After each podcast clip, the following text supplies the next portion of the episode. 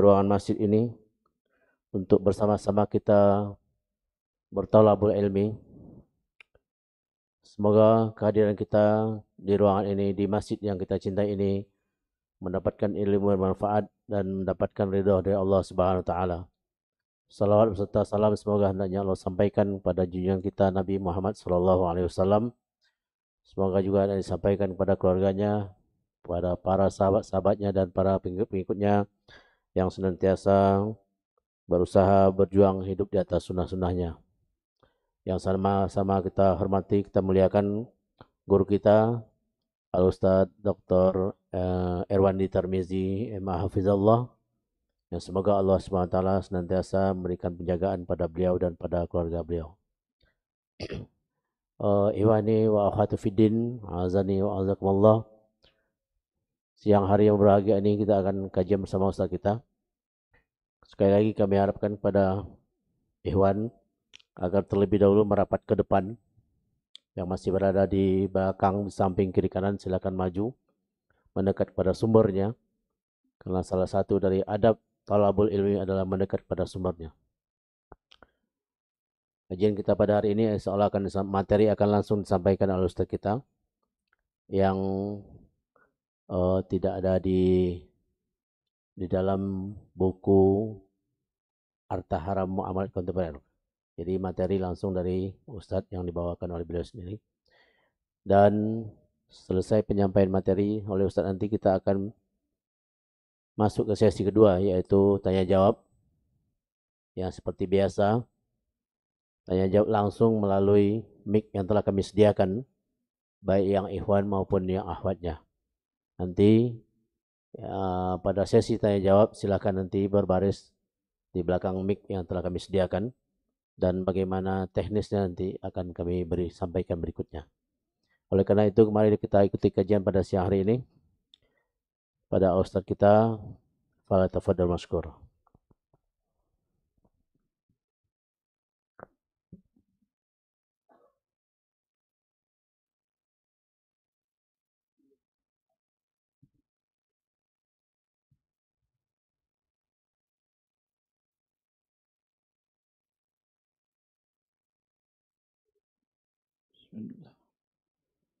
السلام عليكم ورحمة الله وبركاته.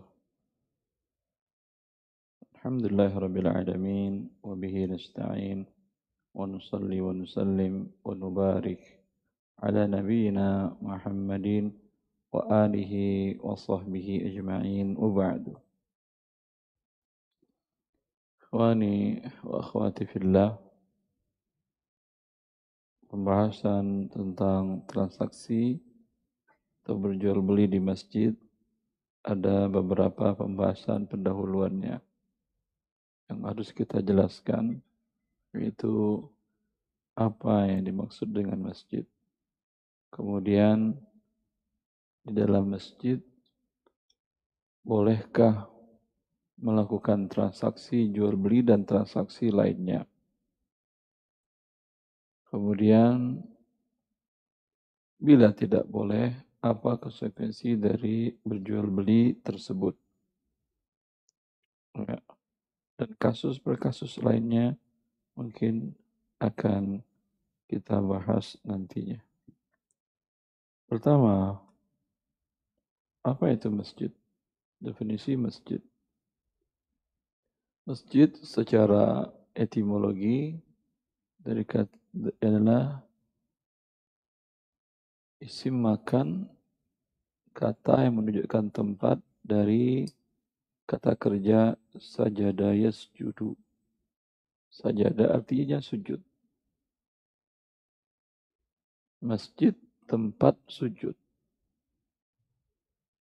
Dan atas dasar itu sabda Nabi Shallallahu Alaihi Wasallam, wajulat liyal ardu masjidah. Dan Allah menjadikan untukku di antara kekhususan umat Muhammad sallallahu alaihi wasallam seluruh bumi ini ah, dijadikan sebagai masjid. Apakah maksudnya masjid secara terminologi? Ah, Berarti kalau begitu setiap Anda berada di mana? Berada keluar umpamanya ke parkiran. Ini kan tanah Allah. Salat tahiyatul, tahiyatul masjid berarti. Ah, masuk ke rumah Anda kan di tanah Allah juga. Tahiyatul masjid berarti. Kemudian tidak boleh dalam kondisi junub. Gimana Anda mau hubungan sama istri di rumah? Bukan itu maksudnya. Tetapi maksud itu waju'idat liyal ardu masjidah tempat sujud. Bukan masjid secara terminologi yang merupakan tema pembahasan kita ini. Di mana pun seorang muslim boleh sholat di muka bumi Allah. Berbeda dengan agama lain.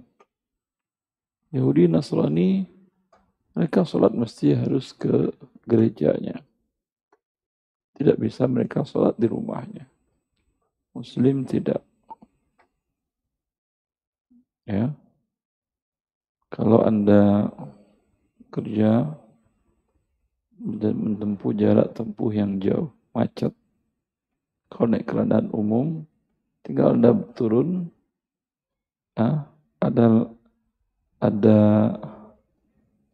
kosong tanah, bukan di tengah jalan, bukan juga trotoar, bukan tanah orang, silahkan gelar sajadah sholat. Tidak perlu Anda mencari masjid dulu.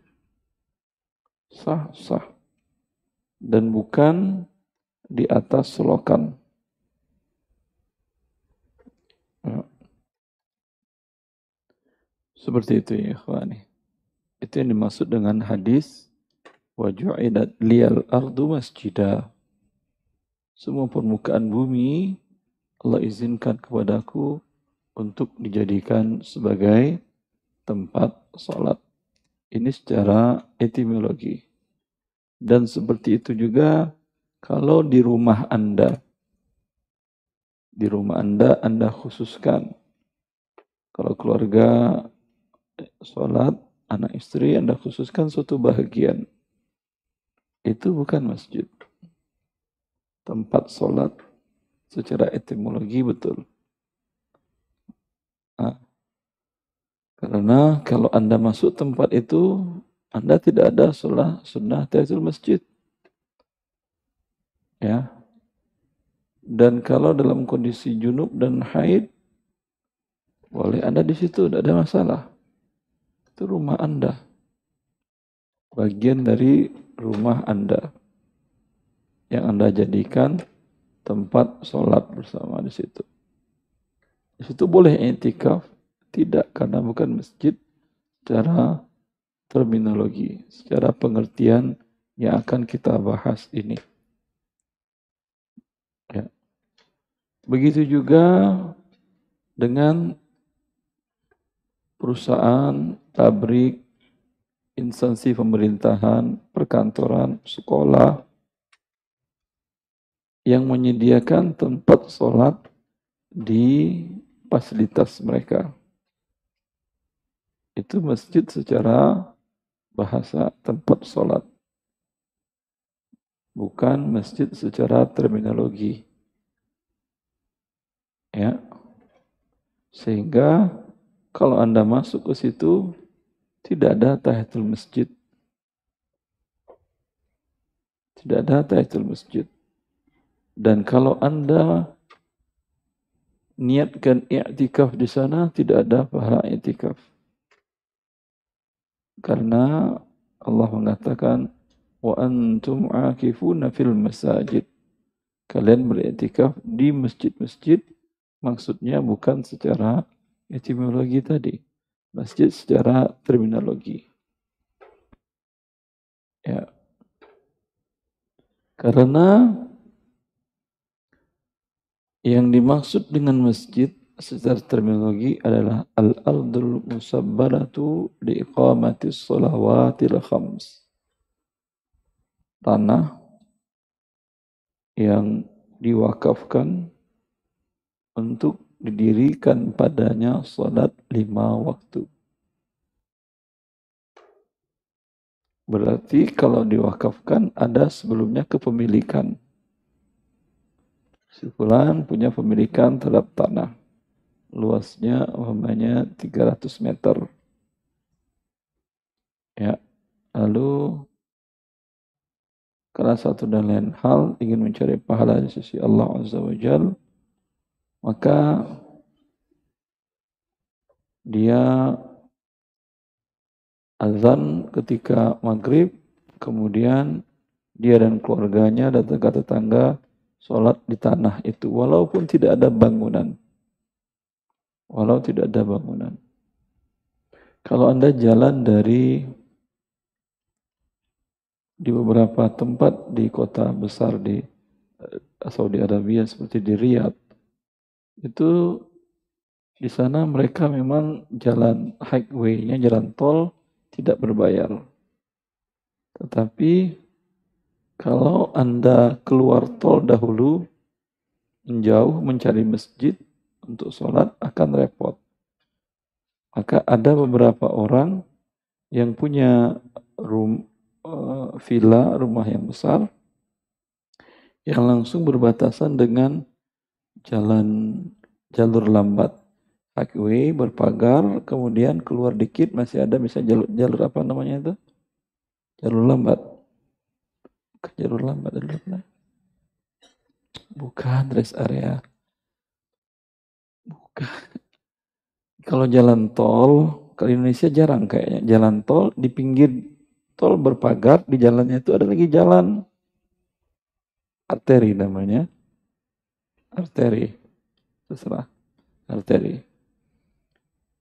Jalannya ada arteri ya yang punya rumah di jalan arteri tadi itu yang berbatasan dengan arteri tadi, biasanya mereka buka pagarnya, ya, kemudian dia buat di situ orang bisa parkir, kemudian bisa masuk ke dalam ruangan, dibuat dibukakannya ke dalam rumahnya sekitar lima kali lima untuk sholat di sana. Dan biasanya dia juga menyewa, bukan menyewa apa, meminta orang untuk jadi imam tetap di situ digajinya. Ya. Itu walaupun di tanah dia, tapi dia buka bebas untuk orang-orang sholat di situ, ya, walaupun di tanah dia. Ini tidak dinamakan masjid dalam terminologi undang-undang peraturan di Saudi Arabia. Karena di sana semua masjid harus terdaftar di Kementerian Wakaf. Catatkan wakafnya, ini kan tidak wakaf. Sehingga makanya saya katakan tadi imam imam rotibnya digaji oleh yang punya villa. Kalau yang masjid umum, yang masjid wakaf, Anda silakan wakafkan tanah, kemudian Anda bangun, kemudian wakaf, itu wakaf Anda, ya, tapi yang mengelolanya setelah wakaf, Anda tidak berhak. Imamnya dari negara, kerajaan, muadzinnya kerajaan dan digaji oleh kerajaan, kemudian uh, apa namanya renovasi maintenance dari kerajaan. Ada anggaran dari kerajaan. Ya. Itu bedanya. Kalau yang seperti tadi itu tidak bisa didaftarkan karena statusnya tidak wakaf. Maka persyaratan masjid adalah wakaf. Wakaf tanahnya dan bangunannya wakaf. Sehingga tidak ada pemiliknya kecuali Allah. Ya. Adapun DKM sama dengan nazir. Itu sebagai pengawas wakaf. Pelaksana wakaf. Ya. Maka itu yang dinamakan terminologinya masjid dan hukum masjid semuanya berhubungan dengan yang seperti itu. Al-ardul musabbanatu liiqamati salawatil khams. tanah yang diwakafkan untuk mendirikan sholat lima waktu di sana. Tanah Anda Anda wakafkan untuk madrasah, bukan masjid. Boleh jualan di madrasah, silakan. Tanahnya kan wakaf, iya, tapi bukan masjid. Itu madrasah. Tanah Anda Anda wakafkan untuk fasilitas olahraga orang-orang di kampung itu. Anda syaratkan umpamanya yang main olahraga di sini, waktu sholat, semua kegiatan dihentikan. Yang melanggar di blacklist tidak boleh olahraga lagi di sini. Kemudian tidak ada campur laki-laki perempuan. Kemudian harus menutup aurat. Ya, kira-kira laku. Laku. Orang kalau anda yang ngatur ya laku aja. Anda bilang gratis kan wakaf. Nah, ini bukan masjid. Karena wakafnya bukan untuk sholat lima waktu. Tapi kalau wakafnya tanah tadi untuk sholat lima waktu, itu yang masjid. Berlaku padanya seluruh hukum masjid. Maka para ulama mengatakan, di tempat-tempat yang tadi seperti masjid perkantoran, itu instansi pemerintahan atau perusahaan tidak pernah melepas itu dari kepemilikannya. Iya atau tidak? Maka statusnya bukan masjid.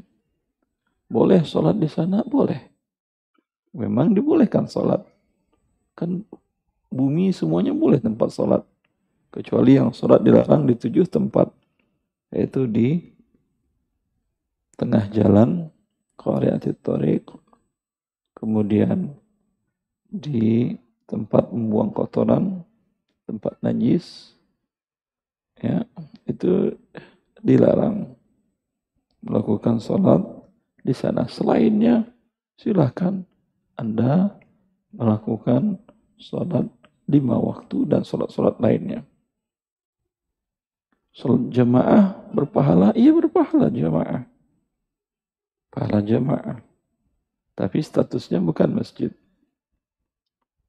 Ya, kecuali pemilik tanah, pemilik perusahaan mewakafkannya.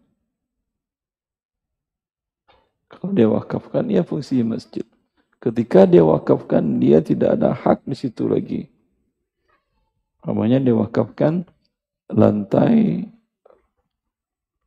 lima semuanya untuk masjid atau basement untuk masjid. Ya. Nanti dia hancurkan, dia dibangun baru lagi, itu yang basement tidak bisa disewakan, tidak bisa jualan di sana, itu adalah masjid. Kalau dia wakafkan lantai 10, lantai 10 itu umpamanya mulai dari 50 meter permukaan bumi sampai ke 57 umpamanya. Itu selamanya itu wakaf untuk masjid. Kalau umpamanya dia bangun ulang yang 50 meter dari permukaan bumi tidak boleh diganggu gugat. Itu bukan hak milik dia lagi. Tidak bisa diwariskan. Kalau diwariskan ke anak-anaknya, ya anak-anaknya tahu yang lantai yang 50 meter sampai 57 itu tidak masuk yang kami sewakan. Ya. Walau lantainya kemudian kurang dari 10 lantai jadi tiga lantai.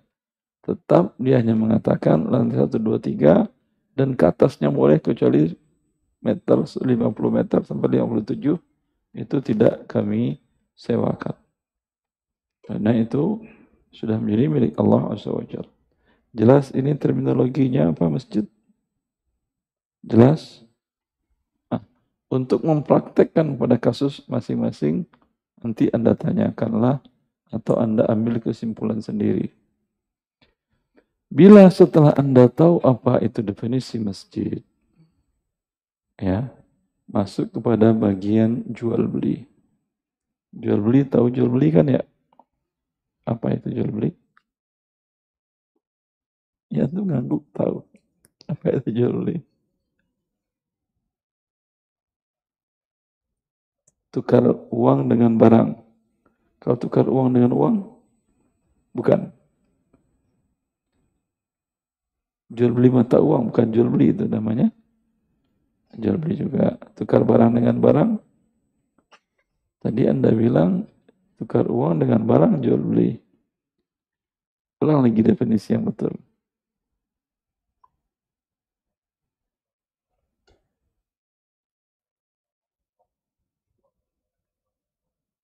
Dah tukar menukar gitu aja. Ya. Saya tukar dengan kacamata Anda. Tapi nanti setengah jam lagi kembaliin ya. Jual beli namanya itu. Jual beli namanya itu. Bukan, berarti definisi Anda salah. Apa yang lengkapnya? Bantu-bantu, jangan dilihatin. Antum seneng banget kalau lihat orang kalau lihat orang kesusahan kayaknya senang. nah, bantu apa? Lanjutannya. Menukar harta dengan harta sehingga lebih umum. Mau barang, mau uang, mau jasa, mau lain-lainnya.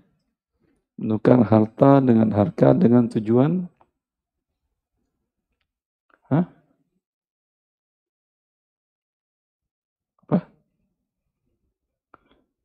Ya, berpindah kepemilikan tamlikan wa tamallukan. Harta Anda menjadi milik lawan transaksi, milik lawan transaksi menjadi milik Anda. Jelas? Litabidi itu selama-lamanya. Kalau berbatas waktu, tidak boleh. Karena namanya milik tidak ada berbatas waktu. Selama-lamanya bahkan bisa diwariskan. Ya. Jelas itu apa jual beli? Akad ya, maka dia adalah tukar menukar. Tukar menukar adalah bentuknya perbuatan akad. Perbuatan ini bisa Anda lakukan di masjid, bisa atau tidak? Bisa. Di rumah bisa dilakukan. Bisa. Bisa Anda jual pasir di rumah. Bisa. Bisa jual kapal tanker di rumah? Bisa. Bisa juga. Ya bisa, kapal tankernya di pinggir laut, transaksinya di rumah. Apa salahnya? Ya. Berarti dia adalah transaksi, bukan serah terima barang. Serah terima barang serah terima barang dan imbalan barang bisa jadi uang dengan uang, uang dengan barang, barang dengan barang itu konsekuensi dari transaksi tadi. Kan dia berpindah kepemilikannya, ya tentu ada serah terima. Tapi yang akadnya tidak mesti barang itu Anda hadirkan di majelis transaksi. Ya, dari dari judul tadi jual beli di masjid. Kayaknya ini nggak masuk akal judul ceramahnya. Gotong kue gitu ke dalam masjid. Lalu pampang 1500 1500 Allahu Akbar ketika 1500 seperti itu? Hah? Kayaknya ini judul nggak masuk akal, tidak realistis, tidak wakil, tidak menjadi kenyataan keseharian. Itu mungkin ada di beberapa daerah, ya. Mungkin ada di daerah yang masjidnya hanya pasir, tidak ada atap, kemudian hanya ada pagar setinggi 2 meter. Masjid namanya itu. Masjid. Kalau tanahnya diwakafkan, iya masjid ya. Dia wakafkan tanahnya 200 meter. Tapi dia tidak punya uang untuk membangun membangun bangunan masjid. Lalu dia buatkan bentuk masjid arah menuju ke apa kiblat.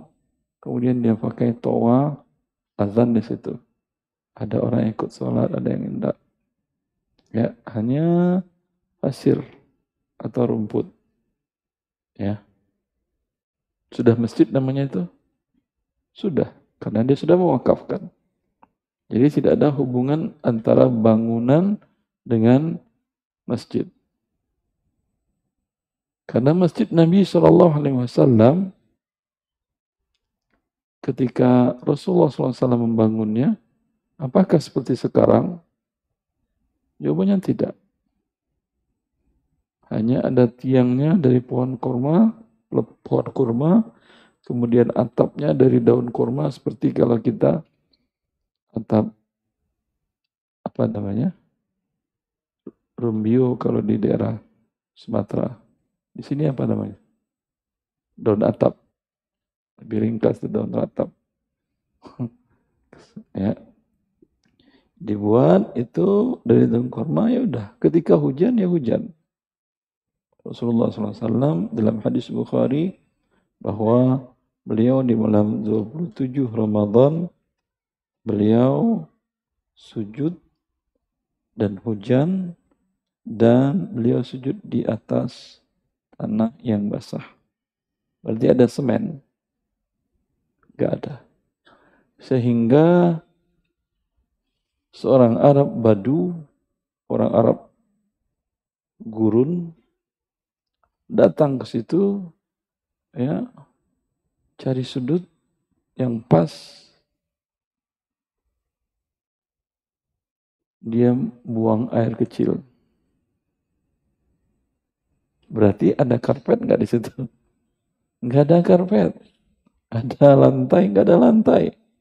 Ya, sama atau dia lihat ini mas sama aja dengan gurun.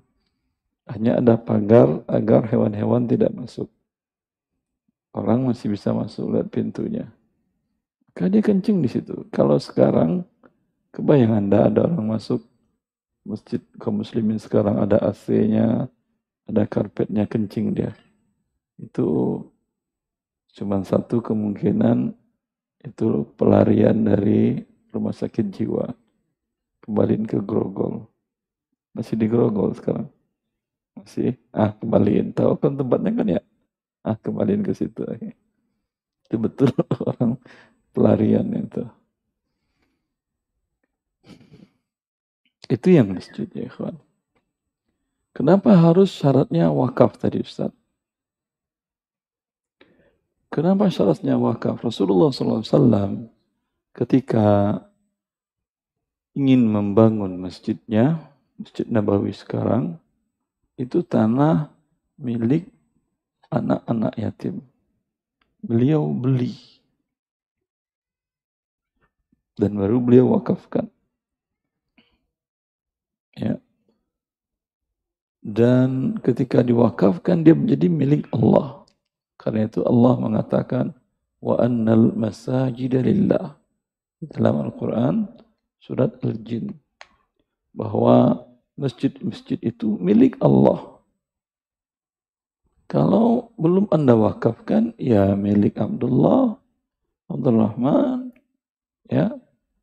Kalau instansi ya milik BUMN, milik perusahaan ini, kalau pemerintah kalau perusahaan. Jelas? Bukan milik Allah. Oh kan langit dan bumi milik Allah semuanya. Betul. Milik Allah pada hakikatnya. Tapi yang dimaksud di sini bukan milik Allah pada hakikatnya. Kalau milik Allah pada hakikat semuanya, jadi perampoklah kita jadinya. Kacamata kamu itu kan milik Allah, baju kamu kan milik Allah. Ya. Bisa difahami? Ya, itu yang dimaksud dengan masjid. Pemiliknya sudah mewakafkan. Maka bila sudah dia wakafkan ya, tanah itu untuk dilakukan salat lima waktu padanya berubah dia statusnya menjadi masjid. Boleh bertransaksi kalau di masa Dahulu umpamanya seperti yang tadi kita katakan badu tadi, ya mungkin saja. Ya. Kalau di masa sekarang online, itu apakah jual beli transaksinya? Ketika Anda masuk masjid, Anda buka handphone Anda, lalu ada yang mengatakan, saya mau beli yang ini. Anda jawab, saya terima kakak sudah jadi transaksi itu. Sudah terjadi transaksi pemindahan kepemilikan. Tapi belum serah terima. Dan itu yang menjadi pembahasan kita. Bolehkah atau tidak?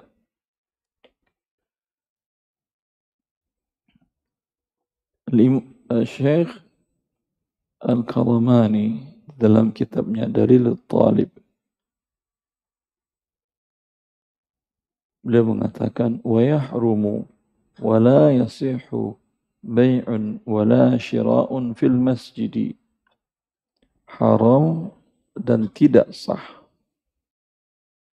Haram berarti pelakunya berdosa. Mendapat siksa dari Allah Azza wa Jalla. Melakukan perbuatan itu. Itu maksudnya haram. Tidak sah. Perpindahan kepemilikan tidak terjadi. Walau dia sudah berakad haram dan tidak sah menjual juga membeli di masjid. Paham? Itu masjid dalam makna terminologi tadi ya. ya. Di hadis Abi Hurairah radhiyallahu anhu berdasarkan hadis diriwayatkan oleh Abu Hurairah radhiyallahu anhu anhu anna Nabi sallallahu alaihi wasallam qala bahwa sesungguhnya Nabi SAW bersabda, "Idza ra'aitum man yabi' aw yabta'u fil masjid faqulu la arbaha Allah tijaratak."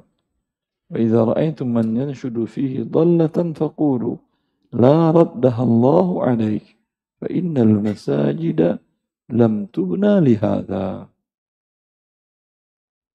Kalau Nabi bersabda, bila kalian melihat orang menjual atau membeli di masjid, maka doakanlah.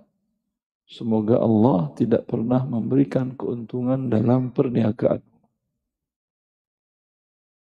Berarti ini perbuatan boleh apa tidak? Karena kita dianjurkan berdoakan keburukan. Kalau Rasulullah memerintahkan berarti dianjurkan atau tidak? Kalau Anda mendoakan keburukan kepada dia, kepada transaksi dia, Anda dapat pahala atau tidak? Hah? Dapat pahala. Ini berarti menunjukkan perbuatan yang didoakan tadi jadi perbuatan yang tidak dibolehkan. Kemudian Rasulullah mengatakan, "Fa innal masajida lam tubna li karena masjid tidak dibangun untuk berjual beli di dalamnya. Dia untuk mengagungkan Allah. Fi buyutin adina Allah an turfa'a wa yuzkara fiha ismuh. Yusabbihu fiha bil wudu'i wal asar. Rijal. La tulhihim tijarah. Wala bay'un an dhikrillah. Di rumah-rumah. Fi buyutin. Di rumah-rumah yang Allah izinkan untuk dikumandangkan dan dibesarkan dan diangkat nama-namanya dan dizikir dan diingat Allah Azza wa Jal. Rumah apa maksudnya? Di masjid. Ya. Dibangun untuk mengingat, membesarkan Allah. Untuk kita beribadah, untuk sholat, untuk mendekatkan diri kepada Allah, Ta'lim, kajian ilmu syar'i yang mendekatkan diri kepada Allah bukan tempat entertain. Masjid bukan untuk tempat melucu. Sehingga kajian kalau tidak lucu, ah, DKM-nya nggak ngundang. Ini rumah Allah dibangun untuk membesarkan Allah, bukan untuk lucu-lucuan.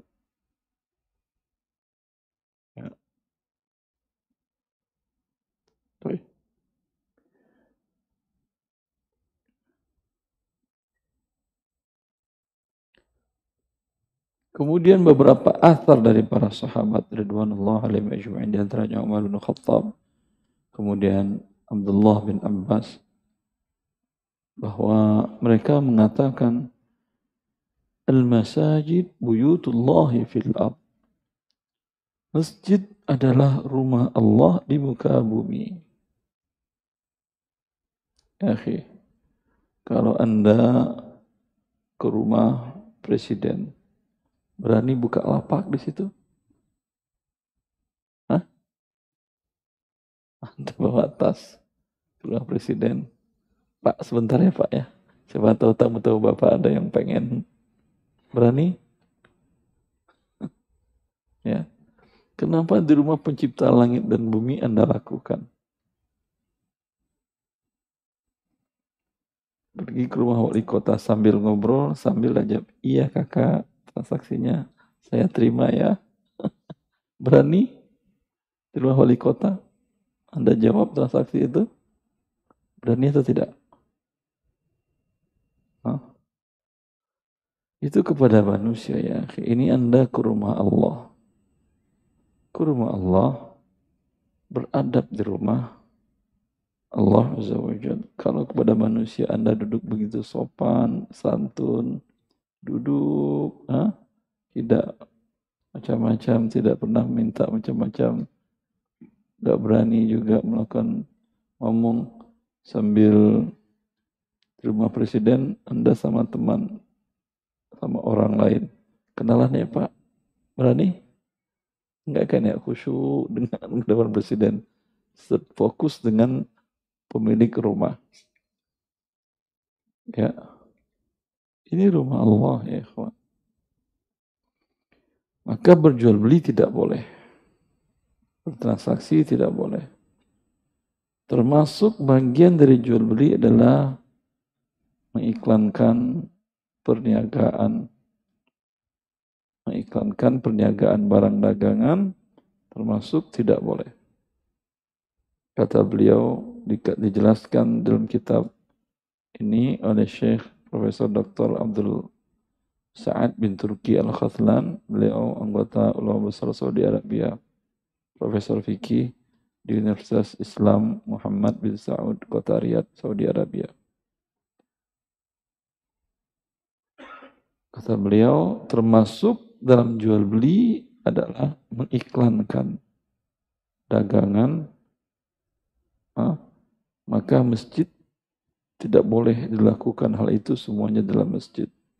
Karena masjid dibangun, kata beliau, untuk ibadah kepada Allah.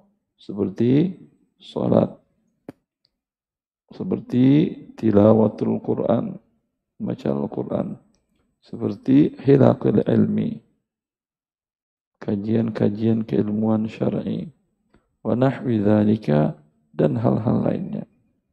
Walam tubna lil bai'i wasyira dan tidak dibangun untuk jual beli dan transaksi niaga dan untuk iklan. Kata beliau melanjutkan termasuk juga dalam hal yang bagian dari jual beli tawzi'u mansyuratin fiha di ayatun di muassasatin tijariyah fil masajid hatta walau kanat hadhil mansyuratu di'ayatan li hamadil hajjin aw umrah. Lianna al maqsuda biha tijarah. Begitu juga termasuk menyebar brosur membagi-bagikan brosur yang ada ajakan atau iklan lembaga perdagangan di masjid. Iklan perumahan. Walau perumahan syar'i. Apalagi kalau belum riba. Ya. Itu bagian dari jual beli. Ya. Walau brosur ajakan untuk biro perjalanan haji dan umroh. Itu perjalanan ibadah. Tapi biro perjalanannya adalah bisnis, jual beli transaksi itu. Jelas? Begitu juga kata beliau, kata Profesor Sa'ad Al-Khathlan, kalau ada pengumuman tentang kajian atau doroh ilmiah yang ditulis di belakangnya sponsor. Maka tidak boleh ada sponsor-sponsor lembaga bisnis. Karena tujuannya adalah untuk iklan barang dagangannya. Karena karena lembaga bisnis itu sponsor itu dia mau memberikan donasi kalau produknya diiklankan. Iya atau tidak? Di belakang kita ada apa tidak? Saya nggak berani lihat. Ada Ustaz? Nggak ada. Alhamdulillah. Biasanya kadang ada. Satu, dua, tiga. Oh, Tidak boleh ya kawan. Ini masjid rumah Allah. Bukan untuk iklan. Kalau mereka mau donasi, donasi aja. Tidak perlu ada nama merek dagang, logo perusahaan, itu akan menjadi berdosa. Kalau ada, kata beliau, ya, buat iklannya di luar masjid. Apa tadi definisi masjid tadi? Tanah yang diwakafkan untuk sholat lima waktu. Kalau di parkiran, pintu masuk, tanyalah ke yang berwakaf itu. Ini wakafnya wakaf masjid atau wakaf parkiran? Hah? Biasanya kalau di Indonesia mengumpulkan dana wakaf pembangunan masjid, itu ada detailnya. Sekarang kita beli tanah untuk masjid saja. Setelah itu kita kumpulkan wakaf untuk parkiran. Ya. Atau biasanya satu paket. Dengan nama parkiran atau masjid. Masjid. Berarti bila BKM menggunakannya parkiran ya itu tetap hitungannya masjid tidak boleh berjual beli di situ tidak boleh berjual beli di situ.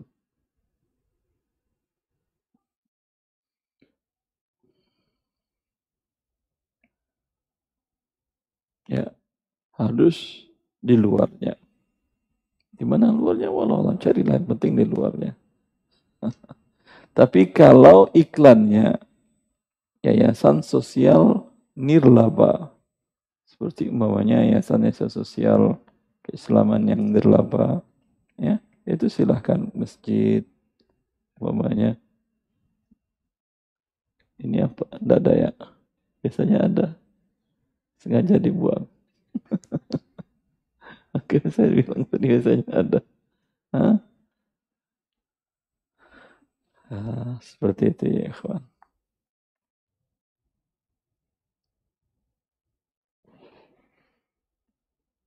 cukup jelas pembahasannya Mungkin bagi perluasan materi yang mau bertanya silahkan. Fadol. Jazakallah Renson telah memaparkan materi pada siang hari ini. Kita ke sesi kedua, yaitu pertanyaan langsung melalui mic. Silakan dari Iwan berbaris di mic yang telah kami sediakan. Juga yang ahwatnya mendekati mic yang telah disediakan. Pertanyaan boleh berkaitan dengan materi yang disampaikan ataupun materi-materi yang lain yang termuat dalam muamalah kontemporer. Uh, teknis pertanyaan. Satu orang maksimal dua pertanyaan dan dimulai dari Ikhwan bertanya, kemudian uh, gantian ke ahwatnya, kemudian ganti lagi ke Ikhwannya. Demikian seterusnya jadi maksimal satu orang dua pertanyaan. Silakan dimulai dari Iwannya. Assalamualaikum warahmatullahi wabarakatuh Ustaz. Assalamualaikum warahmatullahi wabarakatuh. Uh, izin bertanya Ustaz, ada dua pertanyaan yang Anda mau tanyakan. Yang pertama itu adalah uh, kebetulan Anda lagi sedang proses KPR. Mungkin nggak berkaitan dengan materi hari ini, izin Ustaz. Jadi saat ini mungkin Anda sedang dalam proses KPR syariah insya Allah dengan suatu lembaga keuangan syariah untuk uh, akad dengan uh, pengambilan rumah. Yang Anda mau tanyakan pertama, Ustadz, uh, rumah yang Anda inginkan ini uh, statusnya itu sebenarnya sudah developer dan sudah ada contohnya, tapi status yang lokasi yang Anda mau, titik yang Anda mau itu sedang akan proses bangun. Uh, perbankan syariahnya akan membeli ini, tapi statusnya tidak ada, belum ada unitnya. Maksudnya itu dalam arti mungkin akan di uh, dibangun setelah akad dengan saya, Ustadz. Nah itu seperti apa hukumnya? Itu yang pertama. Kedua, saya sempat uh, di salah satu LKS itu sudah disetujui, tapi di sana itu keluar klausul beberapa klausul yang menyebutkan begini, uh, ada biaya-biaya yang dikeluarkan di luar uh, nilai angsuran itu, Ustadz. Katakanlah seperti uh, apa namanya Eh, dengan notaris, kemudian ada asuransi jiwa dan sebagai macam asuransi kebakaran yang di klausul itu di situ disebutkan bahwa saya harus yang membayarnya tersebut. Tapi di sisi lain developer ini mau menyanggupi untuk melunasi itu Ustadz. Jadi saya sama sekali tidak membayar apa pun di situ Ustadz. Itu bagaimana hukumnya Ustadz? Terima kasih. Assalamualaikum warahmatullahi wabarakatuh. Jazakallah Pertama, Tanah kapling sudah ada, tapi rumah belum. Anda beli kapling saja atau rumah dan kapling? Rumah dan kapling. Ya. Berarti transaksi pertama dahulu antara lembaga keuangan syariah dengan developer. Betul. Dengan Anda kapan? Setelah itu Ustaz. Maksudnya, tapi dalam kondisi rumah belum terbangun Ustaz. Lalu Anda beli apa dari rumah? Uh, dari developer itu sudah menjelaskan bahwa speknya seperti ini, seperti ini. Dari ini. bank syariah Anda beli apa? Beli rumah yang akan tadi dibangun Ustaz. Oh. Akadnya apa? Uh, kalau diinfokan dari itunya mudah robah Ustaz. Mudah robah. Mudah robah itu akad permodalan. Eh murabaha maaf Ustaz. Apa? Ya, murabaha. Apa? Para ulama mengatakan murabaha tidak boleh digabung tidak boleh untuk barang yang sebelum jadi, harus barang sudah ada. Ya. Hmm. Ya, Ustaz. Karena murabaha itu berapa modal tambah margin. Jadi sekarang modalnya belum tentu, siapa tahu naik, siapa tahu turun.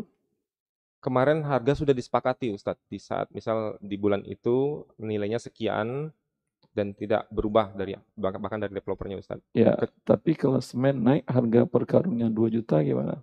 Tetap sama harganya di bulan itu Ustaz. Ya, tapi developer bisa buat enggak?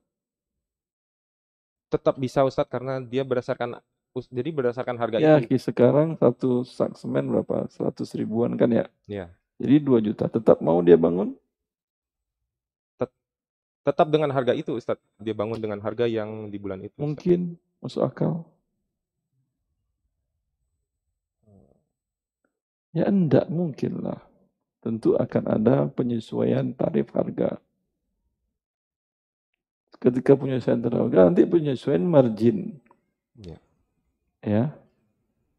Itu kalau naik. Kalau turun, banknya enggak mau. Ya. Andanya jadi enggak mau juga.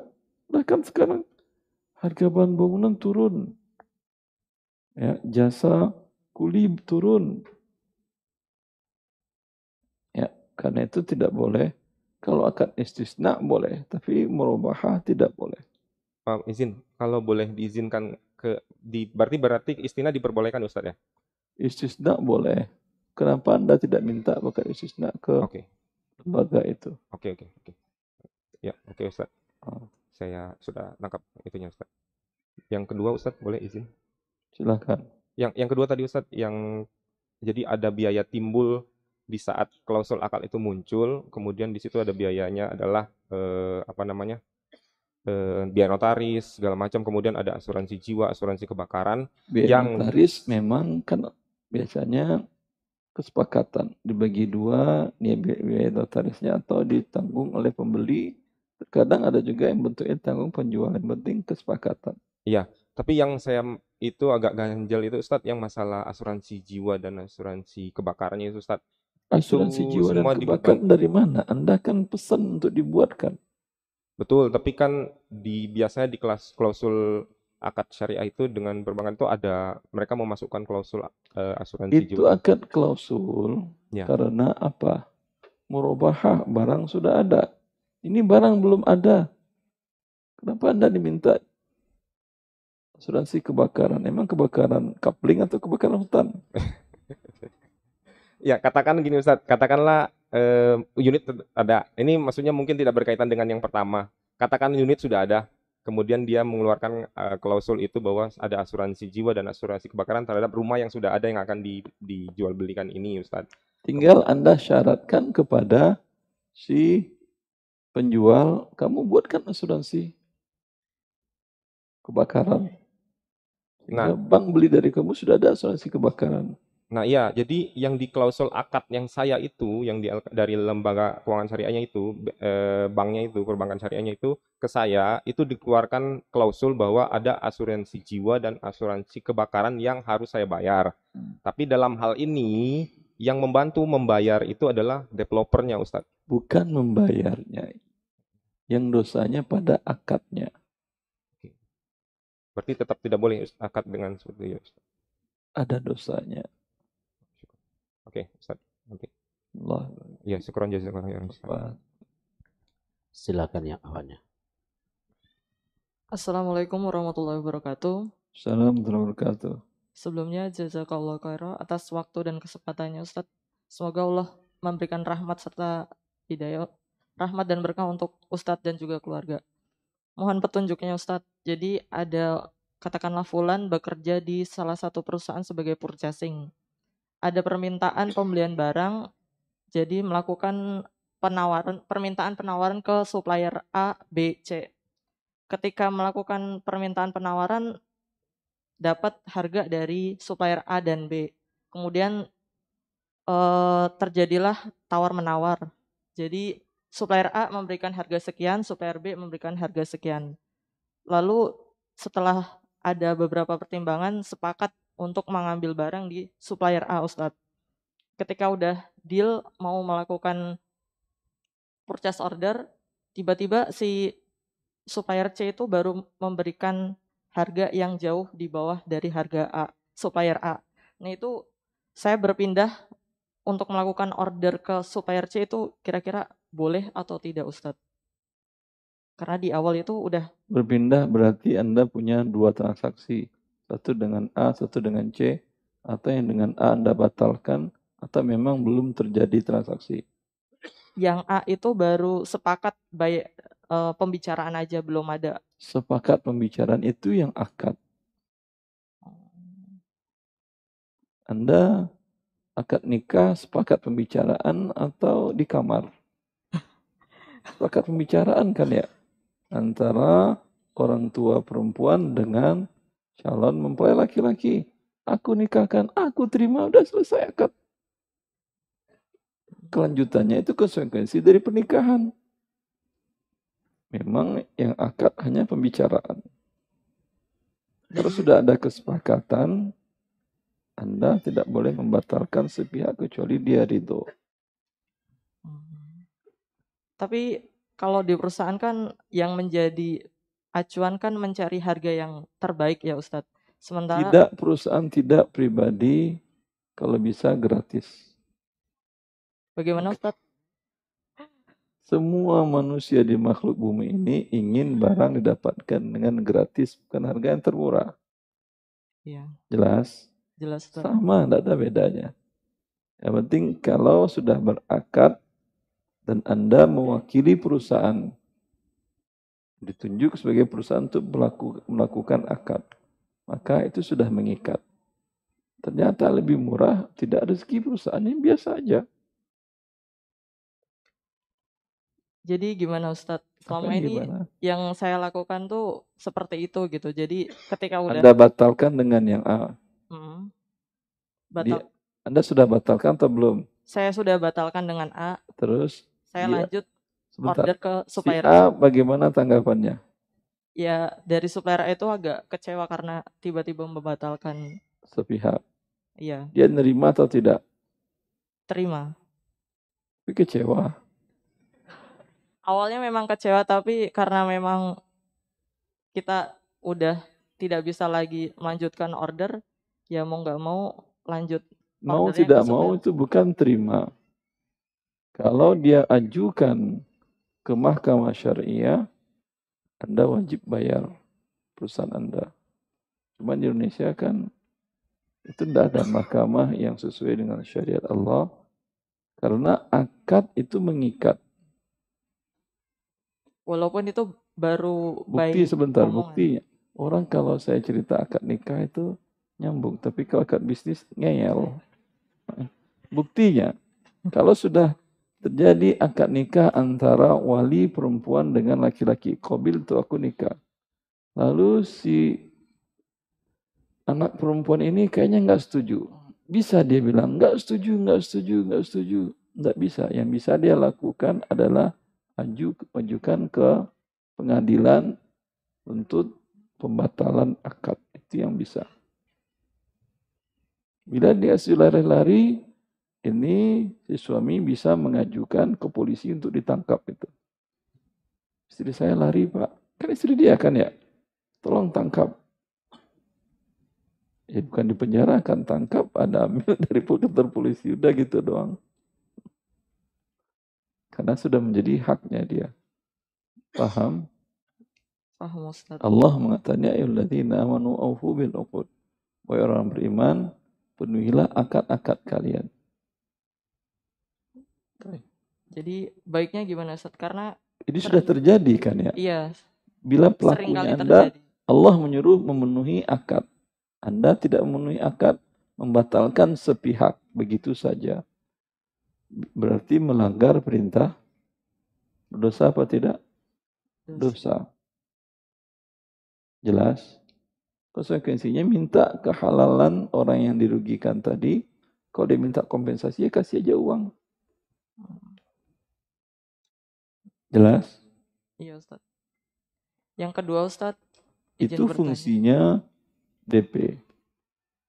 Kalau sudah ada DP itu nggak berani dia main batalin sepihak.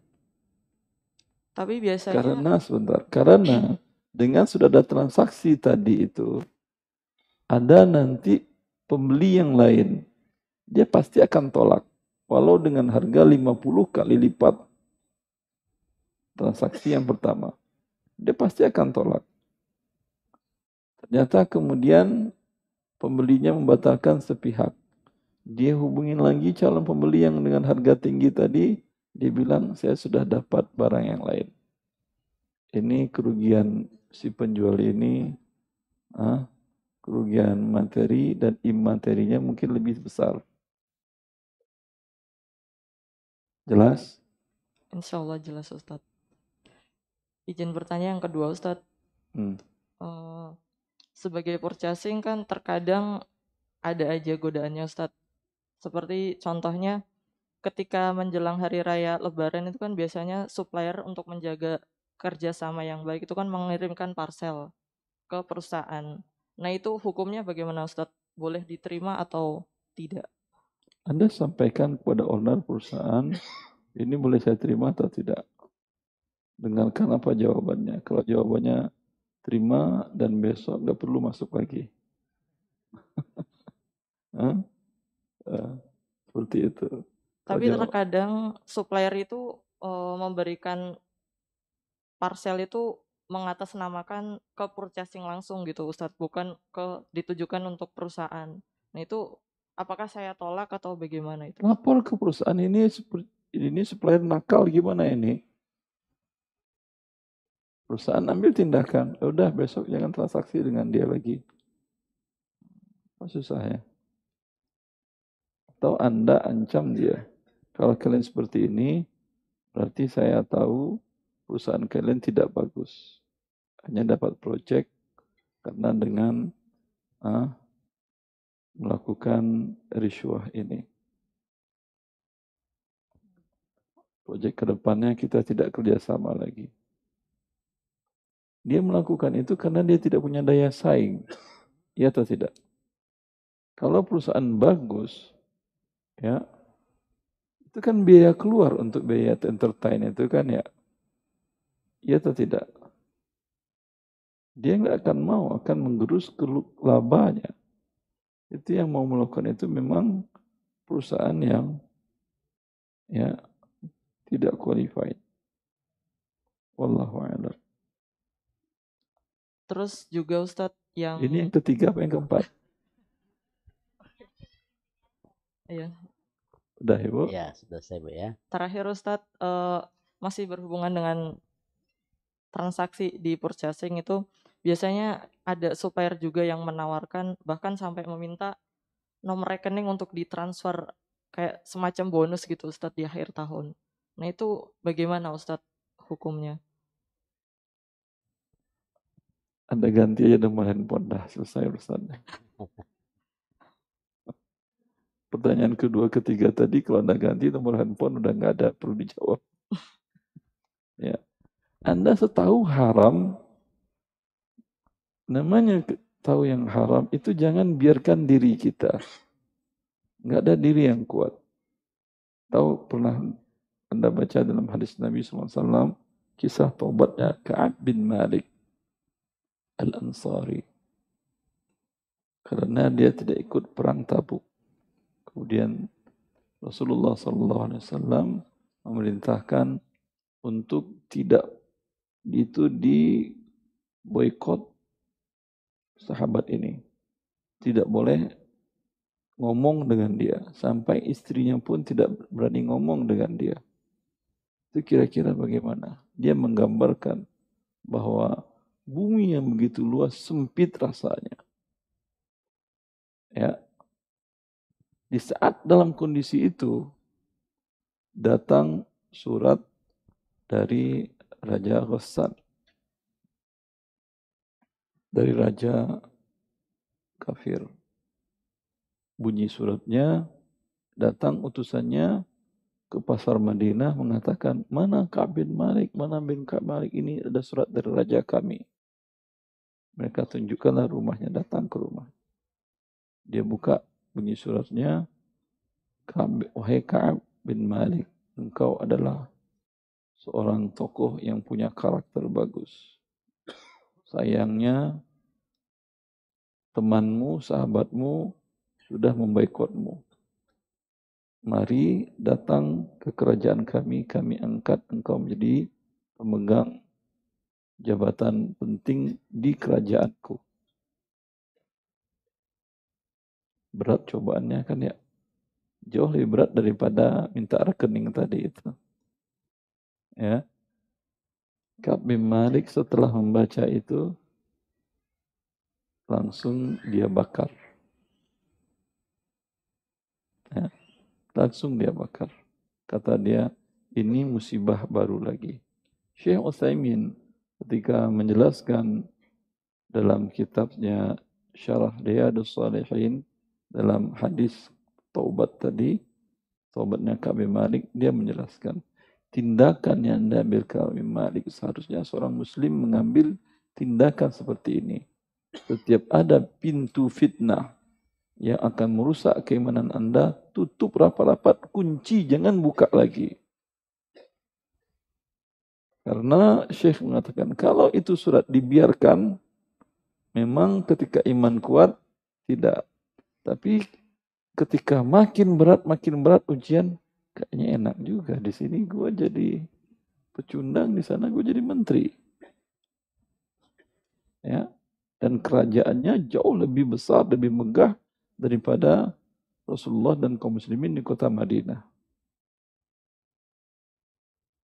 Jelas? Jelas Ibu, biasakan seperti itu. Jadi baiknya gimana Ustadz dengan godaan Kan seperti sudah itu? saya bilang, ganti baiknya- nomor handphone.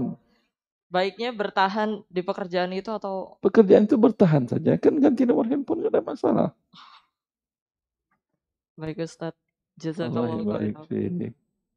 Atau di blok, blok bisa kan ya? Gak ganti nomor handphone di blok. Bisa kan?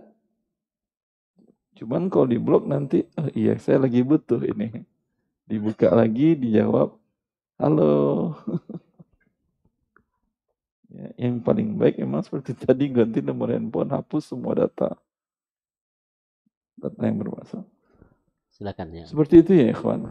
dalam hal-hal kita, dalam keseharian kita, ada sesuatu yang menjauhkan kita dari Allah, ambil tindakan tegas. Jangan kasih ruang untuk Anda terperdaya, karena iman kita lemah. Sedikit demi sedikit, sedikit demi sedikit jatuh dalam kemurkaan Allah Azza wa Jalla. Betul. Bismillah. Assalamualaikum warahmatullahi wabarakatuh Ustaz. Assalamualaikum warahmatullahi wabarakatuh. Izin bertanya Ustaz untuk memastikan eh, kalau keponakan dari saudara saya itu kan mahram Ustaz. Sebentar, sebentar. Keponakan dari saudara. Saudara kandung Ustaz. Adik saya punya anak berarti kan dia mahram saya Ustaz. Ata bilang keponakan dari saudara saya bukan anak saudara saya. Oh ya gitu ya. Salah ucap Ustaz. Ini salah banget, makanya saya berpikir dulu. Iya. Nah Ustaz. Kalau anak dari saudara Anda yang kandung atau anak saudara seagama? Kandung Ustaz. Kandung. Itu ya. Nah, Mahram. Tapi kalau dari sepupu gimana Ustaz? Sepupu saya punya anak gitu, dia mahram saya atau enggak? Ustaz? Sepupu itu apa? Sepupu itu kayak eh, nenek saya punya adik, terus punya anak. Nah, Sultan, nenek Anda Eh. punya adik laki-laki atau perempuan? eh, laki-laki Ustaz.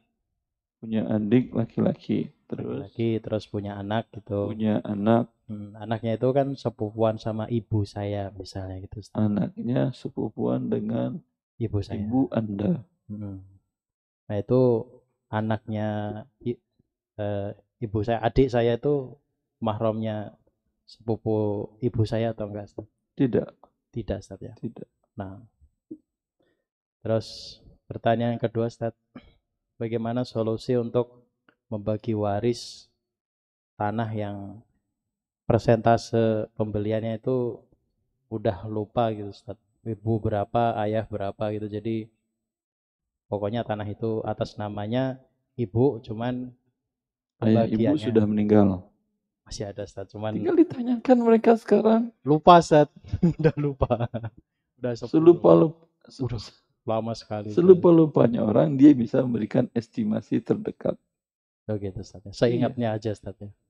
Cari angka yang paling dekat. Oh, nah. Yang sangkaan kuat gitu maksudnya gitu Ustaz ya. Ya. Nah, kalau udah meninggal gimana Ustaz? Solusinya Ustaz. Sekarang kan masih hidup tadi. ya maksudnya kalau orang tua anak udah Nanti kalau sudah meninggal beritahu saya. nah Ustaz. Ya, akhi. C- Lihat di atas sertifikat nama siapa? Nama ibu, ibu Istri. mertua. Ya, ibu mertua Ustaz. Nama istri. Iya, ah, nama istri benar. Ah. Ya berarti milik dia. Oh gitu. Walaupun belinya patungan gitu. Ustaz. Saya nggak tahu. Kan tadi nggak ada berita. Oh gitu. Ya kan dia sudah meninggal nggak ada berita ya lihat aja data yang ada. nah, Ustaz. Nah. Hah? Paham. Kecuali ada pengakuan istri, ya dia menyatakan ini di- dia tempel di belakang sertifikat bahwa memang tanah milik saya, tapi suami saya ikut urun membelinya dengan 30%. Baru ada hak suami di situ. Kalau enggak ya udah. Hmm. Nah, Ustaz. Jelas. Jelas. Jazakallah khair. Silakan ya Ahwan. Bismillah, Assalamualaikum warahmatullahi wabarakatuh. Assalamualaikum warahmatullahi wabarakatuh. Ingin bertanya Ustadz, eh, di kantor saya terkadang kami membeli makanan melalui aplikasi yang biasanya dipesan oleh seorang teman kami. Terkadang beliau menggunakan kode promo yang saya tidak mengetahui apakah termasuk riba atau bukan. Pertanyaannya adalah, apakah saya masih bisa ikut untuk berbelanja makanan bersama mereka jika saya tetap membayar penuh kepada teman tersebut? Kemudian apakah ongkir juga saya perlu bayarkan Ustadz? Karena biasanya saking banyaknya potongan dari kode promo tersebut, sampai makanan kami juga bisa jadi setengah harga. Anda beli dari teman atau minta dibeliin? Eh, posisinya kita beli bersama-sama Ustadz. Artinya urunan. Iya, betul. Urunan bersama-sama, lalu salah seorang yang mengeksekusinya. Betul Ustadz. Berarti dosanya sama-sama. Kalau berdosa maksud saya. Iya, begitu Ya. Ya. Kalau tahu dosa akan ditanggung bersama, Anda tanyakanlah. Ini kamu dapat dapat promo, dapat bebas ongkir, dapat segala macam atas dasar apa? Karena dia mengatakan saya menggunakan e-wallet X. Udah jangan ikut di situ. Jelas? Jelas. Berarti eh, jika jelas promo yang digunakan lebih baik untuk tidak ikut saja ya Ustadz? Iya. Baik, terima kasih Ustadz. Assalamualaikum Ya warahmatullahi fiik. Silakan Ibu. Assalamualaikum warahmatullahi wabarakatuh. Izin bertanya Ustadz. Salam terkait. Pertanyaan yang pertama mungkin masih berkaitan dengan materi yang tadi. Eh, dalam transaksi jual beli di masjid itu kan berarti ada dua hubungan yaitu hubungan dengan Allah dan juga hubungan dengan manusianya. Hubungan dengan Allahnya mungkin oke lah eh, ada dosa di dalamnya gitu ya. Cuman terkait dengan hubungan dengan manusianya, apakah bisa dianggap jual beli tadi itu dianggap tidak pernah terjadi? Misalkan tadi kan jual beli salah satu unsurnya adalah berpindahnya kepemilikan antara eh, barang tersebut ke orang lain. Nah, apakah dari segi hubungan antara manusia itu berarti bisa dianggap eh, kepemilikannya tidak berpindah gitu? Uh, itu yang pertama mungkin. Untuk yang kedua mungkin tidak berhubungan dengan materi tadi, pertanyaan terkait dengan magang tapi di instansi bank. Nah, pertanyaan saya mungkin lebih kepada uh, yang pertama itu Banknya apa konvensional apa? uh, konvensional.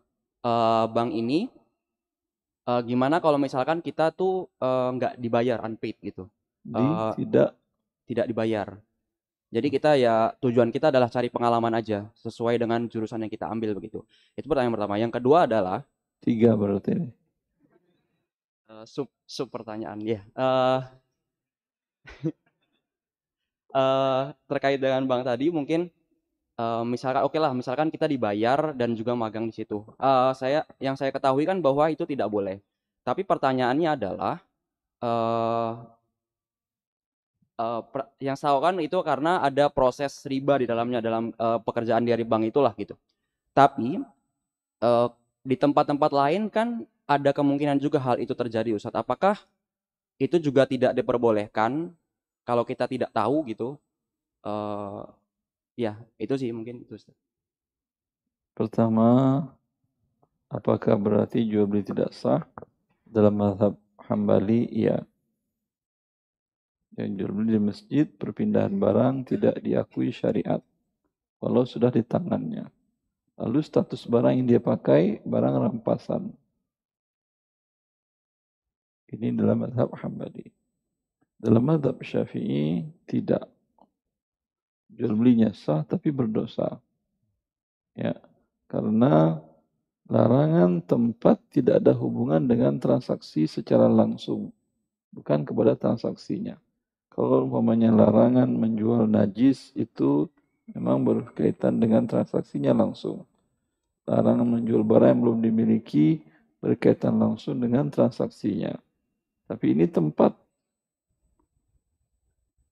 ya itu dalam madhab Hambali, Masyafi'i. Tapi kalau Allah mengharamkan, mau sah mau tidak, apalah gunanya lagi. Ya, baik. Kemudian pertanyaan selanjutnya apa tadi? Eh, yang magang tapi Magang, tidak dibayar nyari pengalaman aja. Dia tidak dibayar pun Anda sudah berdosa. Karena ini tempat Allah didurhakai di sana dengan perang melawannya. Anda kalau pergi ke markas di Irian Jaya kelompok KKB apa nah kelompok bersenjata apa bersenjata K-nya itu apa ya? Kelompok kriminal bersenjata. Ya. Ikut bergabung dengan mereka. Kira-kira bagaimana perasaan Anda? Nyaman?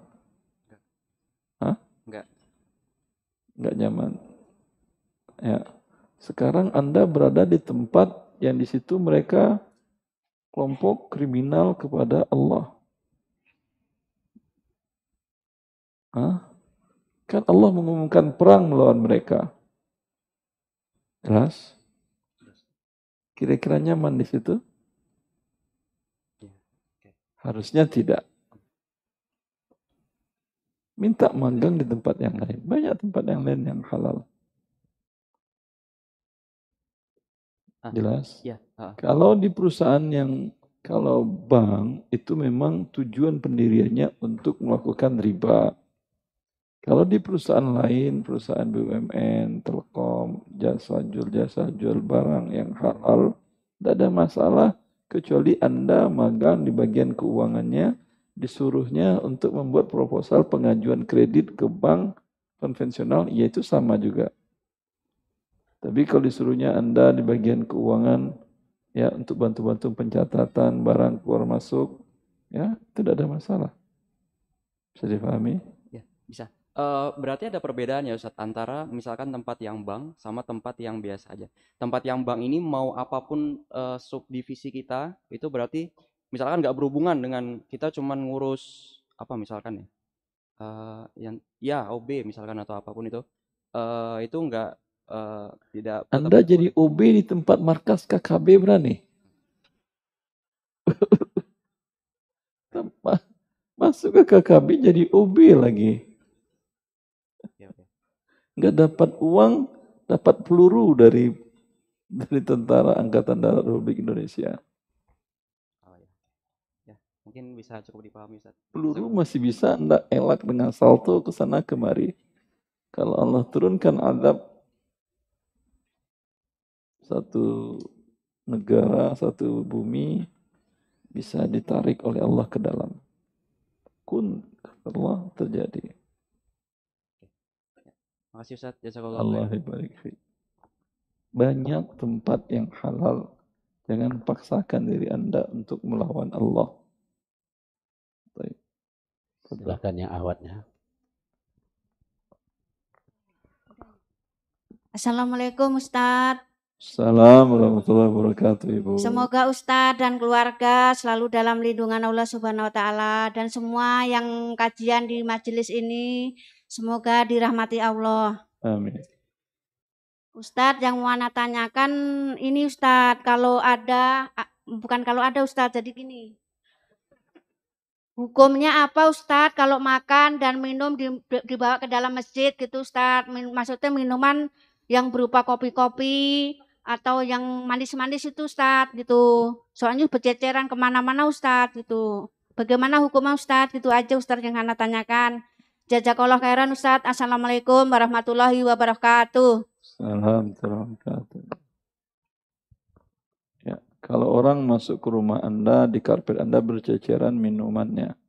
Minumannya kopi, gula, fanta, segala macam. Bagaimana? Kalau Anda masuk ke rumah orang, ada karpet. Dan Anda ada kopi berceceran. Bagaimana perasaan Anda? Ibu, boleh apa tidak?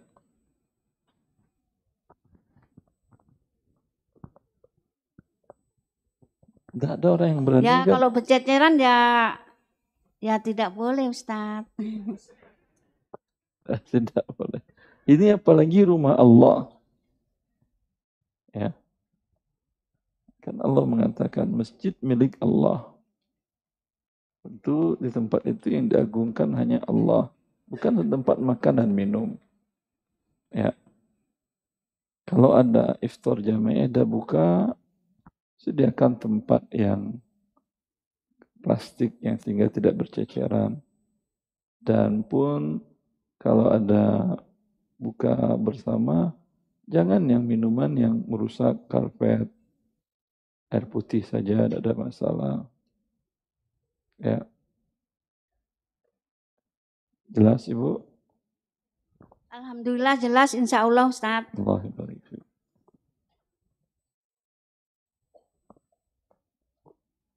Assalamualaikum warahmatullahi wabarakatuh. Assalamualaikum warahmatullahi wabarakatuh. Izin bertanya Ustadz, Betul. Apakah ada batasan dalam menggunakan fasilitas perusahaan di luar jam kerja? Eh, semisal eh, hanya membawa air minum eh, buat pulang Ustadz. Apakah itu termasuk masih dosa menggunakan fasilitas perusahaan di luar jam kerja? Sebelum pulang isi dulu Iya betul. untuk diminum. Biasanya ada larangan dari perusahaan apa tidak? Kalau untuk detailnya kita belum mengetahui Ustaz. Biasanya tidak ada larangan. Karena Anda mengambilnya kan di jam kerja. Kecuali sudah selesai, Anda balik lagi, lupa ini mengisi dulu. Itu iya sedih loh jam kerja. Berarti meskipun satu botol kita bawa pulang nggak boleh Ustaz. Botol yang berapa liter? Siap. Ya itu maksudnya ada batasan Kalau yang atau 19 liter ya tidak boleh lah. Siap. Kalau yang satu liter, dua liter biasa. Cukup Ustaz. Cukup. Terima kasih jazakallah khair. Allah ya baik. Silakan awak. Assalamualaikum warahmatullahi wabarakatuh. Assalamualaikum warahmatullahi wabarakatuh. Semoga Allah merahmati Ustadz juga jamaah sekalian. Eh, mohon izin bertanya, tadi kan sebelumnya dijelaskan oleh Ustadz ya kalau misalkan ada suatu tanah yang diwakafkan untuk masjid dan parkir, berarti eh, Masjid dan parkir. ya, jadi tanah itu untuk masjid dan parkir. Sebentar, sebentar. Yang mewakafkannya mengatakan ini tanah aku 3000, 2000 untuk masjid, 1000 untuk fasilitas pendukung. Seperti itu ikrarnya Ibu?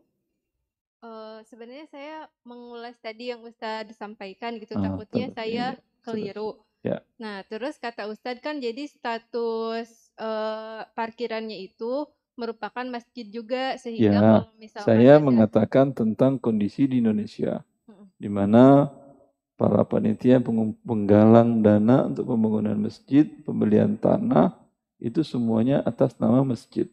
Iya, Ustadz. Ya, berarti yang parkiran itu pun masjid. Nah, pertanyaan saya Ustadz, sebagai kita pembeli ya Ustadz, apabila kita melihat ada tempat jualan, misalkan ada di selasar masjid atau di halaman masjid, nah apakah kita boleh melakukan pembelian tanpa kita tuh mengetahui tempat tersebut itu bagian dari masjid atau bukan? Begitu Ustadz. Ini kondisi masjidnya di mana? Di mall, di kantor, di perumahan, atau di mana? Eh, semisal misalkan ada masjidnya ada di mall. Di mall mana lah ada masjid di mall? Yang ada masjid secara makna etimologi, secara bahasa. Ibu ikut dari awal tadi kajian. Iya Ustadz. Kan tadi sudah saya jelaskan. Secara bahasa, masjid itu tempat sujud. Semua bumi ini masjid. Tapi secara definisi yang masjid adalah tempat bumi, tanah yang diwakafkan oleh pemiliknya untuk melakukan sholat lima waktu. Di mall mana pernah pemilik mall mewakafkan tempat itu untuk sholat lima waktu? Hanya dia menyediakan tempat sholat. Suatu saat dia ingin menambah ke atas atau mengurangi ke bawah atau membangun baru lagi, mungkin mestinya dia hilangkan, mungkin. Ya, dan tidak ada yang bisa nuntut. Karena memang statusnya bukan wakaf. Apalagi kalau apa namanya kantor milik pemerintah. Pemerintah kan nggak ada hak wakaf. Tidak ada hak mewakafkan pemerintah.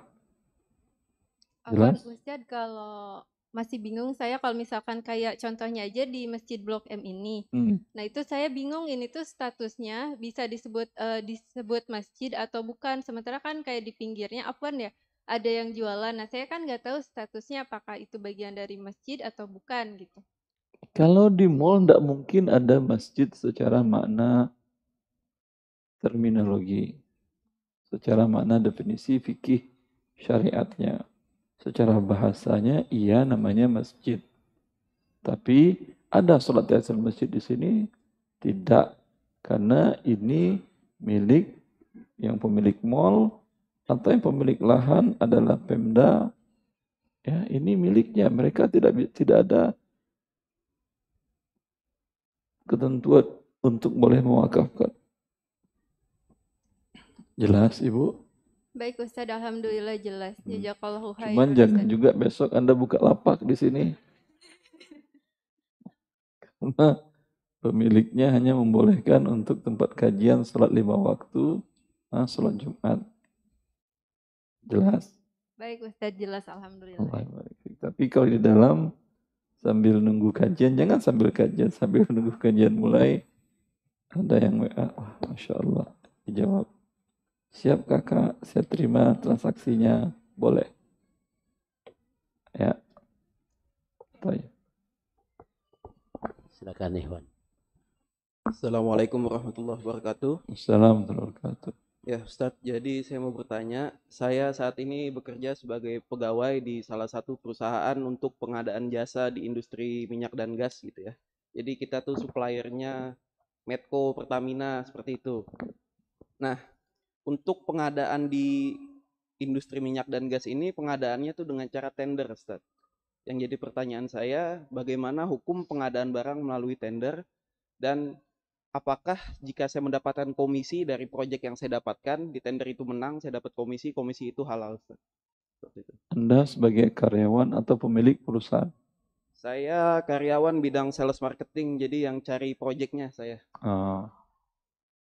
dari tendernya hukumnya boleh, tidak ada masalah. Tender hukumnya boleh, tidak ada masalah. Tapi Anda tidak boleh memberikan fee atau uang atau rasuah usogok kepada yang akan menunjuk Anda akan bertransaksi dengan Anda. Juga mereka tidak boleh memberikan ke Anda. Ya. Kemudian kan sebagai achievement saya dapat project dari perusahaan ngasih saya fee komisi. Perusahaan Anda. Perusahaan saya. Kalau perusahaan Anda, Alhamdulillah. Oke, saya dapat satu persen Ustaz, misalnya dari nilai project. Nah, cuman yang jadi masalah di sini perusahaan saya tuh terlalu taat pajak, Ustaz. Jadi komisi saya dipotong pajak bilangnya. Nah, itu apakah perusahaan saya itu mengambil hak saya? Enggak. Oh enggak. Kan karena dia sampaikan. Anda dapat komisi setelah potong pajak. Nah, jadi kondisinya saat saya masuk ke pekerjaan ini, saya cuma dibilang dapat satu persen. Oke, begitu saya mau dapat komisi, dibilang dipotong pajak. Nah, jadi kan saya merasa dibohongin. Di aturannya, Dia setiap tidak ada aturan sebentar. tertulis. Jadi Walaupun tidak tertulis, semua perusahaan, jangankan komisi Anda, gaji Anda pun sudah dipotong pajak itu. kalau itu tertulis jelas, tax paid by Kalau company. yang tertulis jelas, iya, yang lain itu mengikut ke situ. Iya, jadi gini, kalau misalnya gaji, pajak dibayarkan kantor. Tapi kalau misalnya untuk komisi, kantor nggak mau tahu, dipotong lagi. Jadi hak saya seolah-olah berkurang gitu, Ustaz. Jadinya harusnya satu persen cuma 0,9 atau 0,8 gitu. Komisi itu kan bukan hak Ya, lebih ke yang disepakati dari awal. Mungkin dia ngasih dalam bentuk reward, mungkin dia nggak ngasih. Ya. Anda lebih baik mana dapat setelah potong pajak atau dia nggak ngasih? Dapat, Ustaz. Alhamdulillah. Ya, pemiliknya Ya. kadang-kadang saya, ya gimana ya. Ini ada kecewa. gimana gimana? Itu kan namanya hadiah. Hadiah udah dapat aja udah senang Anda. Ya jujur agak kecewa karena merasa dibohongin gitu. Bilangnya satu persen, tahu-taunya setelah ini potong pajak sekian sekian sekian jadi 0,8. Saya pun nggak ngerti pajak karena saya nggak ada niat mendalami pajak. Takutnya dibohongin juga nih sama perusahaan. Ya udah pindah perusahaan lain. Komisinya belum turun, Ustaz. Karena Satu lagi, Ustaz. kalau bukan hak Anda tidak akan pernah turun dia. Jadi komisi dipotong pajak itu nggak apa-apa, Ustaz. ya? Nggak apa-apa. Karena memang semuanya dipotong pajak sudah. Oke, satu lagi, Ustaz. Ini mungkin nggak eh masih berkaitan sedikit. Nah, terkait riswah tadi. Nah, kita tahulah di dunia sales and marketing ini project gitu ya. Banyak yang seperti itu. Saya sebagai karyawan, saya selalu menolak. Saya nggak mau urusan sama itu. Saya kalau ada titipan-titipan, saya langsung serahkan ke bos saya. Bos saya nggak mau tahu, pokoknya saya dapat project bersih. Kalau urusan masalah titipan dan lainnya, silahkan urusan atas. Itu gimana posisi saya, Ustaz? Perusahaan atas ini owner perusahaan dia owner. Iya. Ya udah betul. Tapi komisi yang saya Kalau dapatkan, dia katakan ya udah diambilnya lalu dikasihkannya ke Anda. Bagi Anda halal. Oke, enggak kalau seperti ini Ustaz. Misalnya, nih si ownernya nitip ke saya, nih ada uang titipan dari buat si X. melalui saya. Saya tolak aja Ustaz. ya. Saya nggak Anda wajib tolak. Oke. Siap. Oke, itu kan berkaitan dengan fee tender dan lain-lain. Satu lagi Ustaz, ini di luar. Dua pertanyaan itu tadi sub pertanyaan. Marketing emang begitu ya. Eh, ini agak beda dikit. Nah, misalnya ayah saya punya hutang, Ustaz. Nah, apakah utang ini itu diwariskan ke anaknya atau enggak dan menjadi kewajiban anak untuk melunasi utang ayahnya atau tidak? Seperti itu, Ustaz. Menjadi kewajiban kalau ada harta warisnya. Kalau enggak ada harta warisnya, Tidak ada kewajiban. tapi bukankah itu menjadi bentuk bakti anak pada orang tua untuk Iya betul. Tapi bukan bukan kewajiban. Jazakallah khairan. Allah. Silakan yang akhwatnya. Assalamualaikum warahmatullahi wabarakatuh. Assalamualaikum warahmatullahi wabarakatuh. Semoga Ustadz, keluarga, panitia, dan jamaah mendapat keberkahan dari Allah. Amin ya robbal alamin. Uh, Ustadz, saya mau bertanya. Uh, saya pernah jadi panitia di sebuah masjid. Terus uh, ada Senin Kamis itu ada apa? Ada sponsor yang suka kasih gitu Ustadz. Tapi beliau itu membuka sebuah restoran terkenal.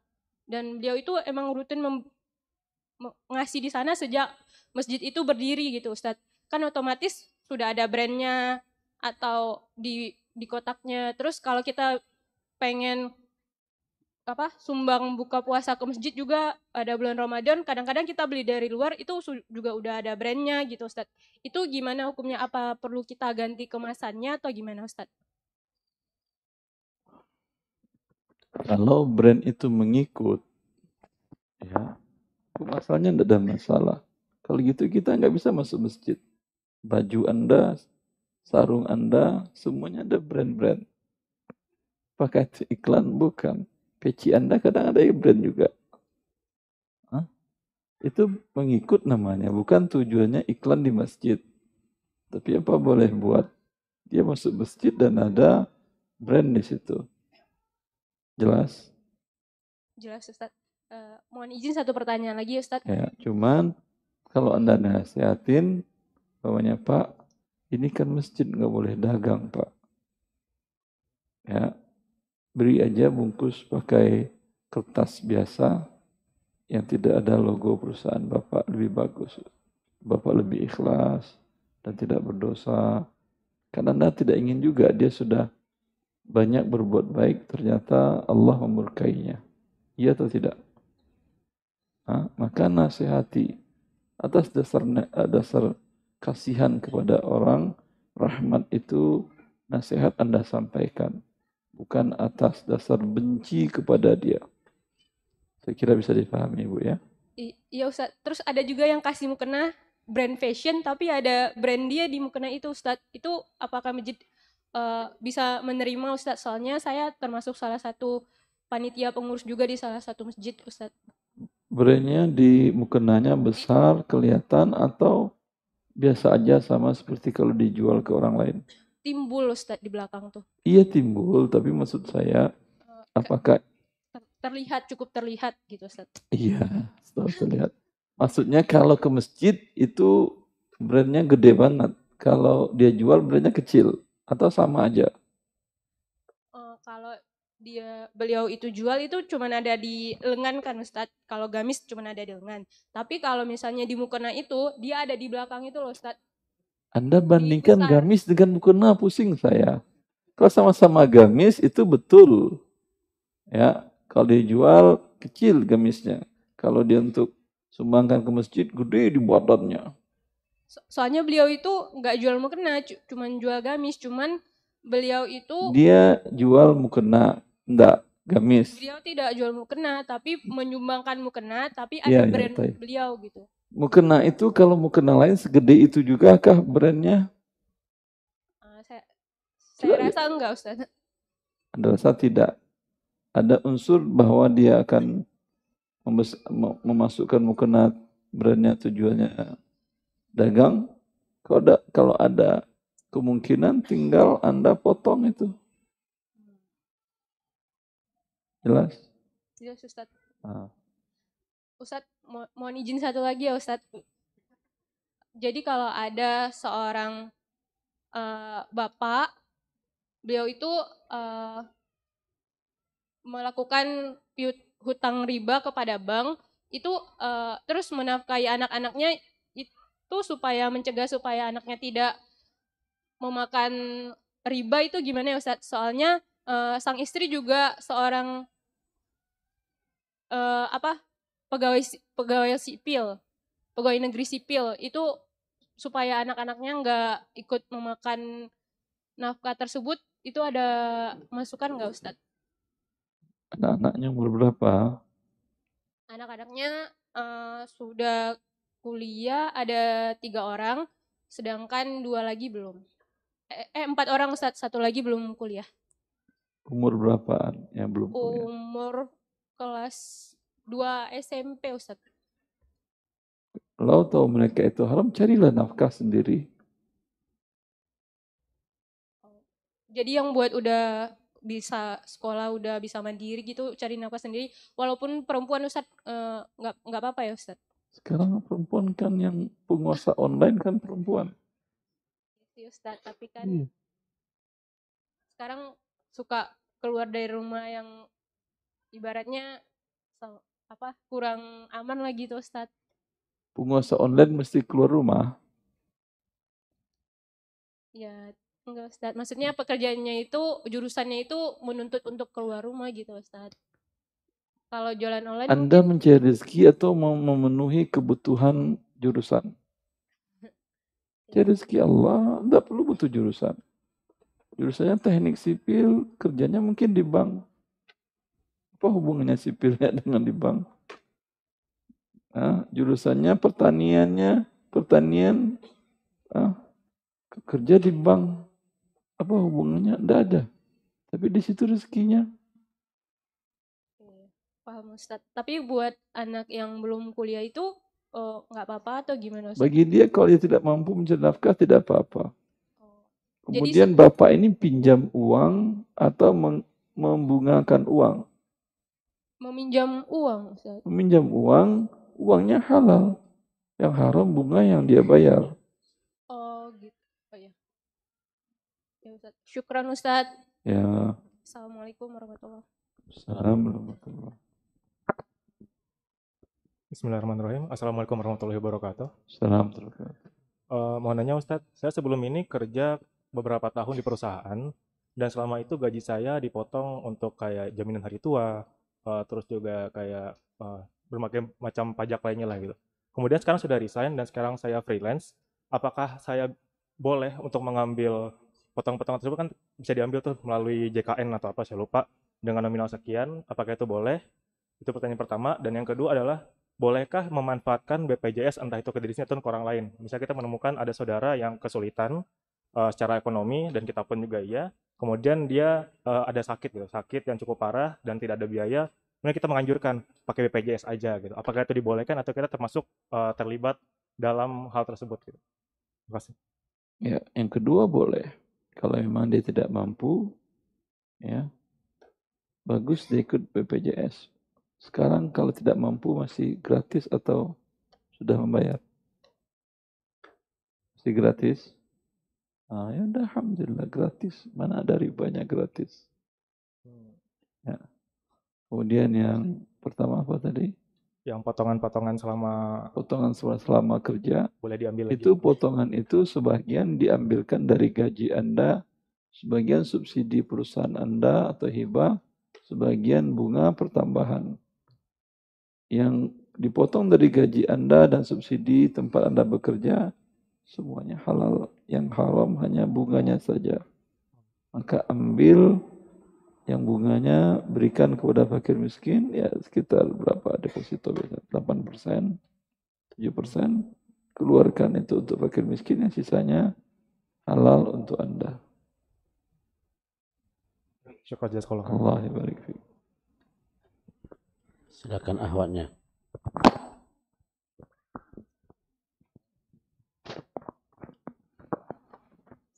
Assalamualaikum warahmatullahi wabarakatuh. Assalamualaikum warahmatullahi wabarakatuh. Semoga Ustadz dan jemaah di sini diridhoi Allah dan diistiqomahkan dalam ketaatan. Allah. Uh, saya mau bertanya untuk masalah hibah. Eh, eh, saya mm, baru membaca kalau hibah itu eh, harus sama rata semua anaknya. Apakah itu laki-laki perempuan pun harus sama rata gitu untuk hibah Hibah dari siapa dari kepada orang siapa? tua kepada anaknya? Orang tua ayah atau ibu? Eh, dari ayah sama ibu. Atau atau dua-duanya? Eh, dua-duanya mau menghibahkan hartanya gitu. Dari ibu Oh. juga mau dihibahkan, dari ayah juga mau dihibahkan gitu. Ya. Yang wajib adil adalah ayah karena dia berkewajiban memberi nafkah kepada anak-anaknya. Ibu tidak wajib adil. Karena ibu punya harta sendiri Sebentar. dari warisan orang tua. Ya dia tidak wajib adil, terserah dia. Ya. Menurut sebagian para ulama, sebagian para ulama lain, ibu juga disamakan dengan ayah. Karena akan berdampak kepada psikologis dari masing-masing penerima hadiah itu. Anak-anaknya sendiri. Sehingga membuat anaknya durhaka kepada orang tuanya. Yang dimaksud dengan adil itu sebagian ulama mengatakan satu banding satu. Satu lagi sebagian mengatakan laki-laki dua bagian, perempuan satu bagian. Wallahu a'lam. Terus kalau pembagian hibahnya itu apakah langsung eksekusi eh, dibagikan atau hanya Kalau tidak eksekusi itu namanya janji hibah. Tidak ada konsekuensi. jadi akan tertulis di notaris misalnya atau ditulis sama orang tua saja sudah cukup. Tertulis di notaris nggak ada gunanya kalau uangnya nggak dimasukin ke, trans, ke rekening. Masukin uang ke rekening nggak perlu di notaris sudah sah. Balik nama sudah sah. Nggak perlu di notaris. Di notaris. Nanti setelah ditulis ternyata ayah wafat sudah nggak punya uang lagi. Apa guna tuh tulisan? Paham maksudnya? Yang dimaksud serah terima fisik, bukan serah terima di atas kertas. Eh, tidak langsung dieksekusi diberikan kepada yang dihibahkan juga nggak ada nggak gimana gimana. Kenapa? Iya maksudnya eh, mau diberikan asetnya itu nggak langsung diberikan ke anaknya. Kalau tidak langsung diberikan ke anak, keburu dia wafat, anak-anak tidak bisa menerima itu lagi. Karena itu dihitung menjadi harta waris. Dibagi sesuai dengan ketentuan Allah. Jadi harus di, eh, di- langsung dihibahkan ketika Harus dan tidak terserah yang setelah ayah ibu anda lah. Kan dia mau hibah. Yang mau hibah tidak ada kata harus dan tidak. Paham? Kalau dia ingin, kalau dia ingin itu iya. Namanya orang mau hibah. Lanjut. Terima kasih Ustaz. Assalamualaikum warahmatullahi wabarakatuh. Assalamualaikum warahmatullahi wabarakatuh. Bismillah, Assalamualaikum warahmatullahi wabarakatuh. Assalamualaikum warahmatullahi wabarakatuh. Alhamdulillah wassalatu wassalamu ala rasulullah. Ahsanallahu ilaik ya Ustaz wa asabakallah. Ana izin bertanya Ustaz. Yang pertama Ana pernah beli peci Ustaz di dalam masjid. Kemudian eh, si penjualnya bilang ke Ana coba dulu pecinya. Terus pas sudah pas eh, Ana membayar di luar kawasan masjid. Itu hukumnya gimana Ustaz? Transaksinya yang haram dalam masjid. Pembayarannya di luar masjid itu bukan transaksi. Itu mem- itu menyerahkan uang. Berarti itu nggak termasuk Berdosa, berdosa. Berdosa dan status pecinya tidak sah di tangan pembeli. Dipakai sekarang itu. Bukan, bukan ini. Makanya nggak pernah Ana pakai Ustaz. Ana tinggal terus. Alhamdulillah kasih aja ke orang lain. Berarti Ana harus gimana Sat sama penjualnya Sat? Mengulangi transaksinya Masih ada penjualnya. eh, nggak tahu Sat. Ketemunya di masjid di luar Sat. Itu gimana Sat? Iya masih ada, masih memungkinkan atau tidak? Kemungkinan kecil Sat ketemunya Sat. Soalnya nggak rutin di da- di masjid itu Sat. Ya kalau ketemu ya kasih aja bilang uang sedekah untuk anda dan barang tidak sah jadi milik saya sudah saya berikan kepada orang lain. Berarti peci-nya boleh diberikan kepada orang lain, Ustaz. Ah. Kemudian Ustaz, eh, pertanyaan selanjutnya, kalau misalnya ada seorang nulis buku, kemudian buku itu dicetak. Habis itu saya dengan izin ataupun tanpa izin beliau, saya mencetak ulang bukunya, tapi dengan isi di bukunya itu ada iklan misalnya, misal iklan untuk instansi sekolah atau sebagainya itu boleh apa enggak? Tanpa izin dari yang penulis buku, pemegang royalti. Iya. Hah? Jadi penulis buku, habis itu bukunya dicetak oleh penerbit, kemudian kita dengan izin ataupun tanpa izinnya kita mencetak ulang buku itu, tapi eh, Kalau dengan izin nggak ada masalah. Kalau tanpa izin namanya perampok, pembajak. tapi di buku itu terdapat iklan juga saat kita mengiklankan sesuatu di buku itu, misal di cover belakangnya atau di bagian halaman paling belakang. Ini pembajak pakai iklan. Tapi eh, kalau misalnya dengan izin mualifnya berarti boleh, Sat. Jadi kan sudah saya jawab boleh. Oh ya. Kemudian yang terakhir eh, Kalau izin mualifnya ambil aja lah hak royalti untuk kamu juga boleh. Oh, ya. Kemudian yang terakhir Sat, eh, kalau boleh diulang Sat, ta'rif masjid, eh, pengertian masjid secara terminologi Sat. Al-ardul musabbalatu li iqamati salawatil khams. Al-ardu Al-musabbalatu. al-musabbalatu liqamati salawatil khams. Syukur Sat. Apa? Wafakanallah wa yakum. Allah barik. Silakan yang pertama. Assalamualaikum warahmatullahi wabarakatuh. Salam terima kasih. Izin bertanya Ustadz. Iya. Ustadz, hukum jual beli di waktu sholat Jumat kan haram ya untuk laki-laki, sedangkan untuk perempuan dan orang-orang yang diberi uzur untuk tidak wajib sholat Jumat itu ada khilaf boleh katanya. Emang boleh tidak ada Oh khilaf? boleh. Ya, Eh, jadi saya kan punya toko mebel dan mm, punya karyawan laki-laki yang berkewajiban untuk sholat Jumat. Nah, pada waktu sholat Jumat ini, karyawan saya ini nggak melaksanakan sholat Jumatnya. Padahal saya udah nyuruh dia untuk sholat Jumat. Nah, yang ingin saya tanyakan itu, kan saya udah nyuruh dia untuk sholat Jumat, tapi dia nggak melaksanakan nggak melaksanakan sholat Jumatnya dan dia masih tetap melakukan pekerjaannya untuk membuat barang. Nah, itu hukum barang yang dikerjakan oleh dia, saya jual ke orang boleh nggak Ustadz? Tapi nggak wak- pada saat waktu sholat Jumatnya. Tapi dia kan ngerjainnya pas waktu sholat Jumat. Sedangkan dia nggak melaksanakan sholat Jumat. Ya Anda sampaikanlah ke calon pembeli ini dibuat oleh karyawan saya yang muslim pada saat sholat Jumat. Dia nggak sholat Jumat.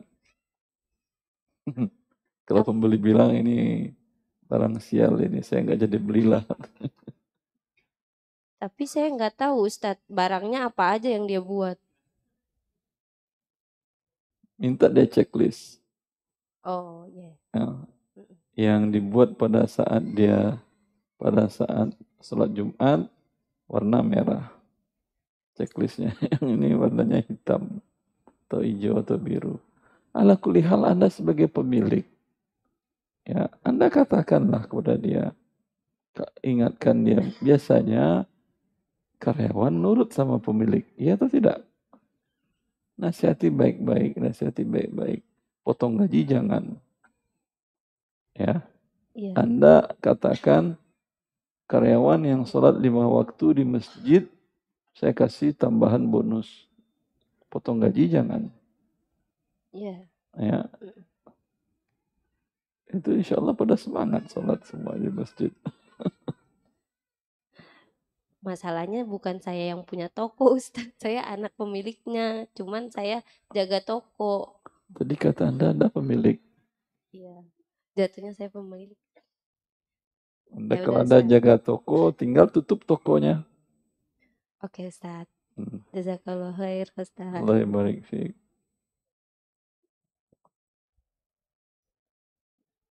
Assalamualaikum warahmatullahi wabarakatuh. Assalamualaikum wabarakatuh. Ya, semoga Allah menjaga Ustaz Wandi dan asatidz kita dan para ulama dan kaum muslimin semuanya. Allahumma. Ustaz, Anda ingin bertanya mengenai hukum berjualan di platform online atau marketplace, Ustaz. Di situ kan pembeli bisa melakukan pembayaran dengan banyak metode pembayaran, Ustaz. Bisa dengan transfer atau bisa bayar kayak di gerai-gerai, Alfamart, Indomaret. Atau ada juga pembeli yang melakukan pembayaran menggunakan kartu kredit, Ustaz. Kita kan sebagai seller, kita cuman ketika ada transaksi nanti di saldo kita bertambah gitu, Ustaz. Tapi kita cuman withdraw aja, Ustaz. Nah, itu gimana hukumnya, Ustaz? Ketika misal ada salah satu pembeli atau beberapa pembeli yang mereka bayarnya pakai kartu kredit gitu, Ustaz. Itu gimana? Bagi Anda tidak ada dosa. Bagi bagi seller nggak ada dosa, Ustaz. Itu dosa si penjual, eh sorry, si pembelinya yang Ya. melakukan pembelian menggunakan kartu kredit. Oke. Yang kedua, Ustaz, mengenai haji, Ustaz. Kan haji itu wajib, Ustaz. Kan di Indonesia ini banyak hajinya, Ustaz. Ada haji reguler, haji plus, haji poroda, macam-macam, Ustaz. Tambahkan yang namanya Haji Fulan Furoda. Nah, jadi kita itu diwajibkan itu di haji yang mana, Ustaz? Apakah haji reguler, misal punya uang sekian, oh ini udah udah Haji bisa yang mampu Anda melakukan perjalanan kepadanya. Kepada tempat haji tersebut. Kalau hanya janji bayar uang, mungkin berangkat, mungkin tidak, itu bukan haji namanya. Itu namanya melakukan tindakan gharal. Hmm. Mungkin berangkat, mungkin tidak. Iya, Ustaz. Ya, yang Hmm. stres adalah Anda dan keluarga Anda. Hmm. Kalau Anda ternyata nggak berangkat, keluarga Anda suruh menghilang dulu mas. Itu tetangga nanyain aku, pusing aku katanya.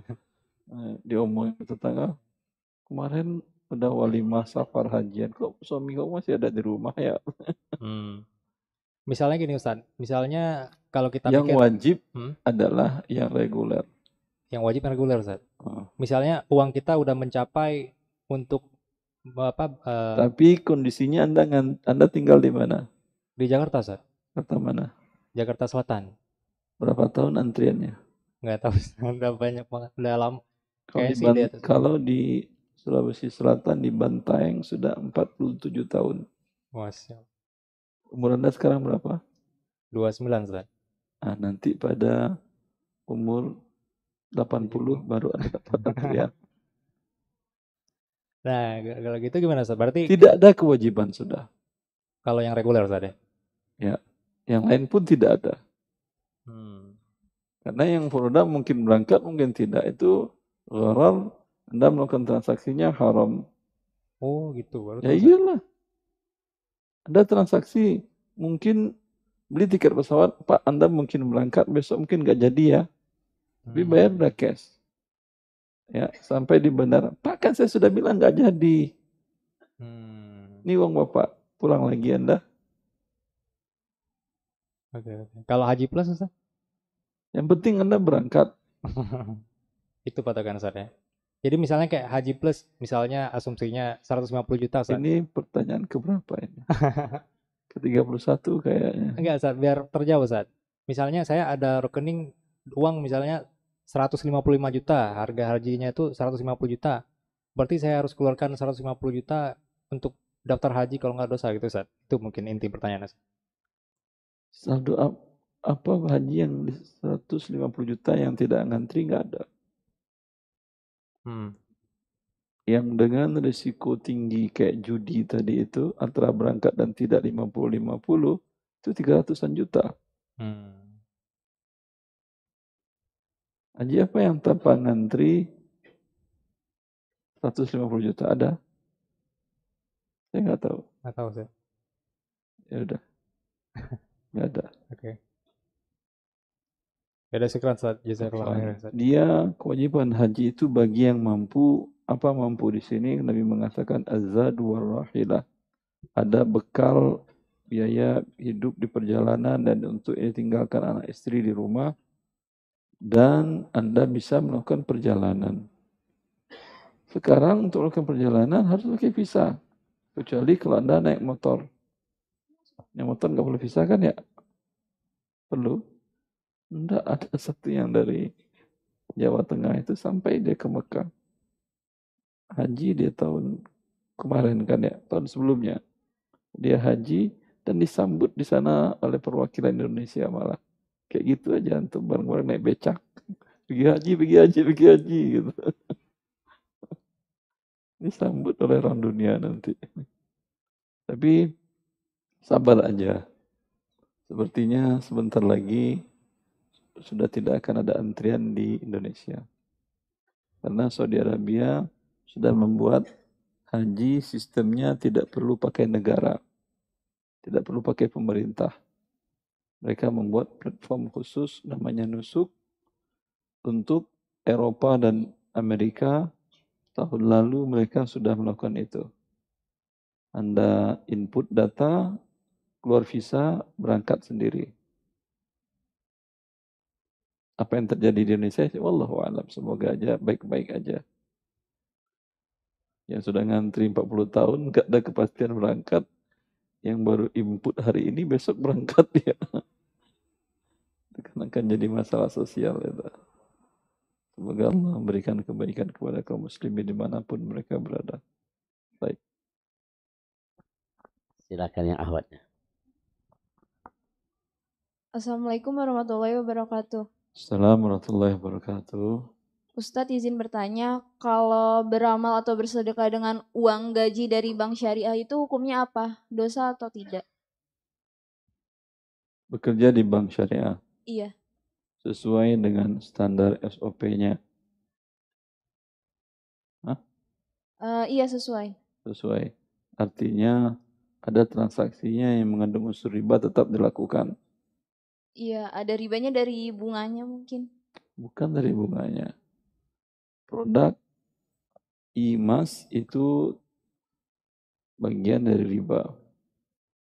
Denda keterlambatan dalam murabaha bagian dari riba. Kemudian pembiayaan mud- mudharabah yang pihak bank tidak menanggung kerugian itu juga bagian dari riba. Banyak ribanya. Tapi karena dia bank syariah, itu bisa Anda mempertahankannya untuk tidak melakukannya atau melakukannya dengan ada modifikasi sesuai syariah. Kalau di bank konven nggak mungkin, di bank syariah masih bisa. Ya, kalau Anda ikutin apa SOP-nya sehingga melakukan riba, tentu berakibat kepada gajinya sebagian mungkin tidak halal karena ada transaksi riba yang dilakukan. Jelas? Jelas Ustadz. Terima kasih. Allah barik fiik. Assalamualaikum warahmatullahi wabarakatuh. Assalamualaikum warahmatullahi wabarakatuh. Saya ingin bertanya tentang masalah riba, Ustaz. Permasalahannya, kedua orang tua saya pensiun PNS. Setelah keduanya wafat, kami anak-anaknya mendapatkan uang duka dari Taspen. Pertanyaannya, eh, apakah uang duka itu dari Taspen itu halal? Apakah? Uang duka dari Taspen itu halal? Ya. Eh, tidak mengandung riba? Uang duka ini maksudnya apa itu? Eh, dari ini pensiun dari orang tua itu setelah setelah tutup buku itu Taspen memberikan uang duka kepada Taspen mengambilkan uang duka memberikan dari memberikan uang duka Iya, tapi uang duka yang dia berikan itu dari mana diambilkannya? dari pensiun ini kedua orang tua kami. Berarti bukan uang duka. Uang orang tua Anda diberikan ke Anda, begitu kan ya? Bukan. Artinya setelah setelah selesai ini uang, uang pensiun diterima gitu. eh Sebentar, sebentar. Iya, dia memberikan uang duka kepada kami gitu kan. Ada yang bisa menjelaskan? Uang, uang Uang, duka uang itu duka di- uang santunan itu, santunan dialokasikan dari mana oleh pihak Taspen? Taspen kan hanya jasa terima dana dana pensiunan, ya. Iya. Kemudian dia aturan undang-undangnya 90 sekian persen harus di- didepositokan di bank-bank BUMN. Itu jelas riba. Ya. Ke- Kemudian dia kan berarti nggak ada pemasukan uang kecuali dari bunga riba kan ya? Ya atau tidak? Iya. Hah? Dari uang riba itukah diberikan uang duka atau dari setoran pensiunan Pensiunan tadi? dari pensiun itu. Hah? Dari pensiun itu. Artinya pensiunan anda, orang tua anda bekerja, Iya. Setelah situ, diterima gitu di sampai situ iya. ada bagian dari uang yang disetorkan itu ada pensiunan, ada uang duka gitu. Eh, enggak, setelah selesai uang pensiun itu diterima semua dari eh, orang tua saya sudah sudah wafat gitu kan, ditutup rekening itu. Terus pihak Taspen ini memberikan kepada ahli waris uang sa- santunan ke uang, duka kematian gitu. A'lam. Kalau yang uang pensiunnya itu uang pensiun adalah gaji orang tua Anda yang dipotong ditambah subsidi dari pemerintah atau instansi atau perusahaan itu halal. Tapi biasanya ada tambahan bunga lagi karena uang yang disetorkan oleh perusahaan tadi ke Taspen itu mereka tempatkan di deposito riba sehingga bunganya dibagikan juga itu bunganya berikan ke fakir miskin ya yang uang santunan ini dari Taspen Dari Taspen ya. kalau dari Taspen dia kan nggak punya pemasukan kecuali dari bunga Iya. ambil berikan itu kepada fakir miskin Jadi nggak boleh kita ma- manfaatkan. Ustaz. mau uang riba Pak? Enggak. alhamdulillah cukup Ya cukup Ustaz. Ya. Allah ya barik Jazakallah. Allah ya barik Silakan ahwatnya. Assalamualaikum warahmatullahi wabarakatuh. Assalamualaikum warahmatullahi wabarakatuh Ustadz, eh, izin bertanya, saya mendapatkan warisan yang disamakan dengan kedua saudara laki-laki saya. Namun kedua saudara laki-laki saya berkata, kamu harusnya dapatnya sekian, eh, sisanya dari persentase warisan yang saya dapatkan, mereka sudah ikhlaskan dan bentuk kasih sayang mereka kepada saya. Apakah sisa tersebut halal bagi saya? halal ibu itu pun masih kurang kalau mereka mau kalau mau mereka ngasih udah bentuk kasih sayang kami kepada saudari kami hak kami ambil 100% pun boleh kalau ini tidak sampai 100% boleh Naam Ustazah. Eh, Allah jazakillah, jazakallahu khairan. Allah barik fiik. Assalamualaikum warahmatullahi wabarakatuh. salam terkatuh Assalamualaikum warahmatullahi wabarakatuh. salam warahmatullahi wabarakatuh Ada izin bertanya Pak Ustadz, Eh, baru-baru ini istri saya dapat warisan dari orang tuanya. Eh, pas kebetulan istri saya kan anak terakhir, jadi dia menempati rumah itu eh, untuk pembagian tanah di daerah itu. Jadi anak tanahnya dibagi empat. Nah kebetulan rumah itu tuh berada kayak di tengah-tengahnya gitu. Jadi tanah eh, rumah itu tuh sekitar satu meter makan dari eh, bagian kakaknya gitu itu kakaknya udah bilang katanya saya udah ikhlaskan begitu. Apakah eh, istri saya harus tetap bayar atau tidak itu? tapi sudah diikhlaskan Iya begitu. sudah diikhlaskan ini sudah selesai Nanti tidak perlu ya Ustaz. Pasti pasti harus dibayar atau tidak? tapi sudah diikhlaskan Mm-mm. udah Iya. Ya alhamdulillah nggak perlu dibayar ada kasih. doakan aja kebaikan dunia akhirat bagi kakak yang sudah mengikhlaskan Assalamualaikum Ustaz. salam Ustadz, sekarang udah 15.13, asar udah 15.23. Gimana Ustadz? 10 menit lagi Ya, ya tambah lanjut aja. tambah satu laki satu perempuan Satu lagi satu perempuan. Ya, silakan ahwat yang terakhir. Untuk Ahwat udah tidak ada pertanyaan lagi Ustaz. ada laki-laki dua laki-laki dua Laki-laki dua, silakan. Ada satu lagi nih. Ah, masih ada. Tapi nggak ada. Assalamualaikum warahmatullahi wabarakatuh Ustaz. salam terkatuh Barakallahu fiik. Allah barik Ah, kembali kepada pengertian masjid secara terminologi tadi. Ah, ini kan berarti bukan masjid yang diwakafkan ya Ustadz. yang mana ini berarti Masjid ini Ustadz, Nurul Iman di atas mall ini betul? yang kita berada di sini Betul. bukan masjid ini ini Bukan mall Ah, artinya secara fung- fungsi tapi ini masjid ya Ustadz ya? secara apa Fungsi, fasilitas. fungsi fasilitas Bukan ya, tetap bukan masjid. rumah anda ada jadi kantor menjadi kantorkah dia itu tetap rumah Iya. Rumah anda anda jadikan pabrik apakah jadi pabrik dia tetap rumah dia ya Ah, oh, baik. Lalu haruskah kami melakukan sholat tahiyatul masjid ketika masuk ke masjid? tidak ada Oh, tidak ada. etikaf tidak ada Itikaf pun tidak ada ya Ustadz ya? ya yang ada duduk-duduk di bulan Ramadan baca Quran dengan kajian tapi pahala etikafnya tidak Masya Allah. Alhamdulillah sudah jelas Ustadz. Assalamualaikum. Assalamualaikum warahmatullahi wabarakatuh. Terakhir, Tuan. Assalamualaikum warahmatullahi wabarakatuh Pak Ustadz. Salam warahmatullahi wabarakatuh. Mau menanyakan eh, Eh, Saya bekerja di sebuah perusahaan sebelumnya gitu. Ya. Eh, dan saya mengetahui bahwa untuk mendapatkan proyek itu sebagian dengan cara yang baik gitu sesuai dan sebagian memang ada yang eh, pakai titipan lobby-lobby gitulah Ustadz dengan hal yang haram. Bagaimana dengan gaji saya gitu loh. Anda bagian lobbyan atau bukan?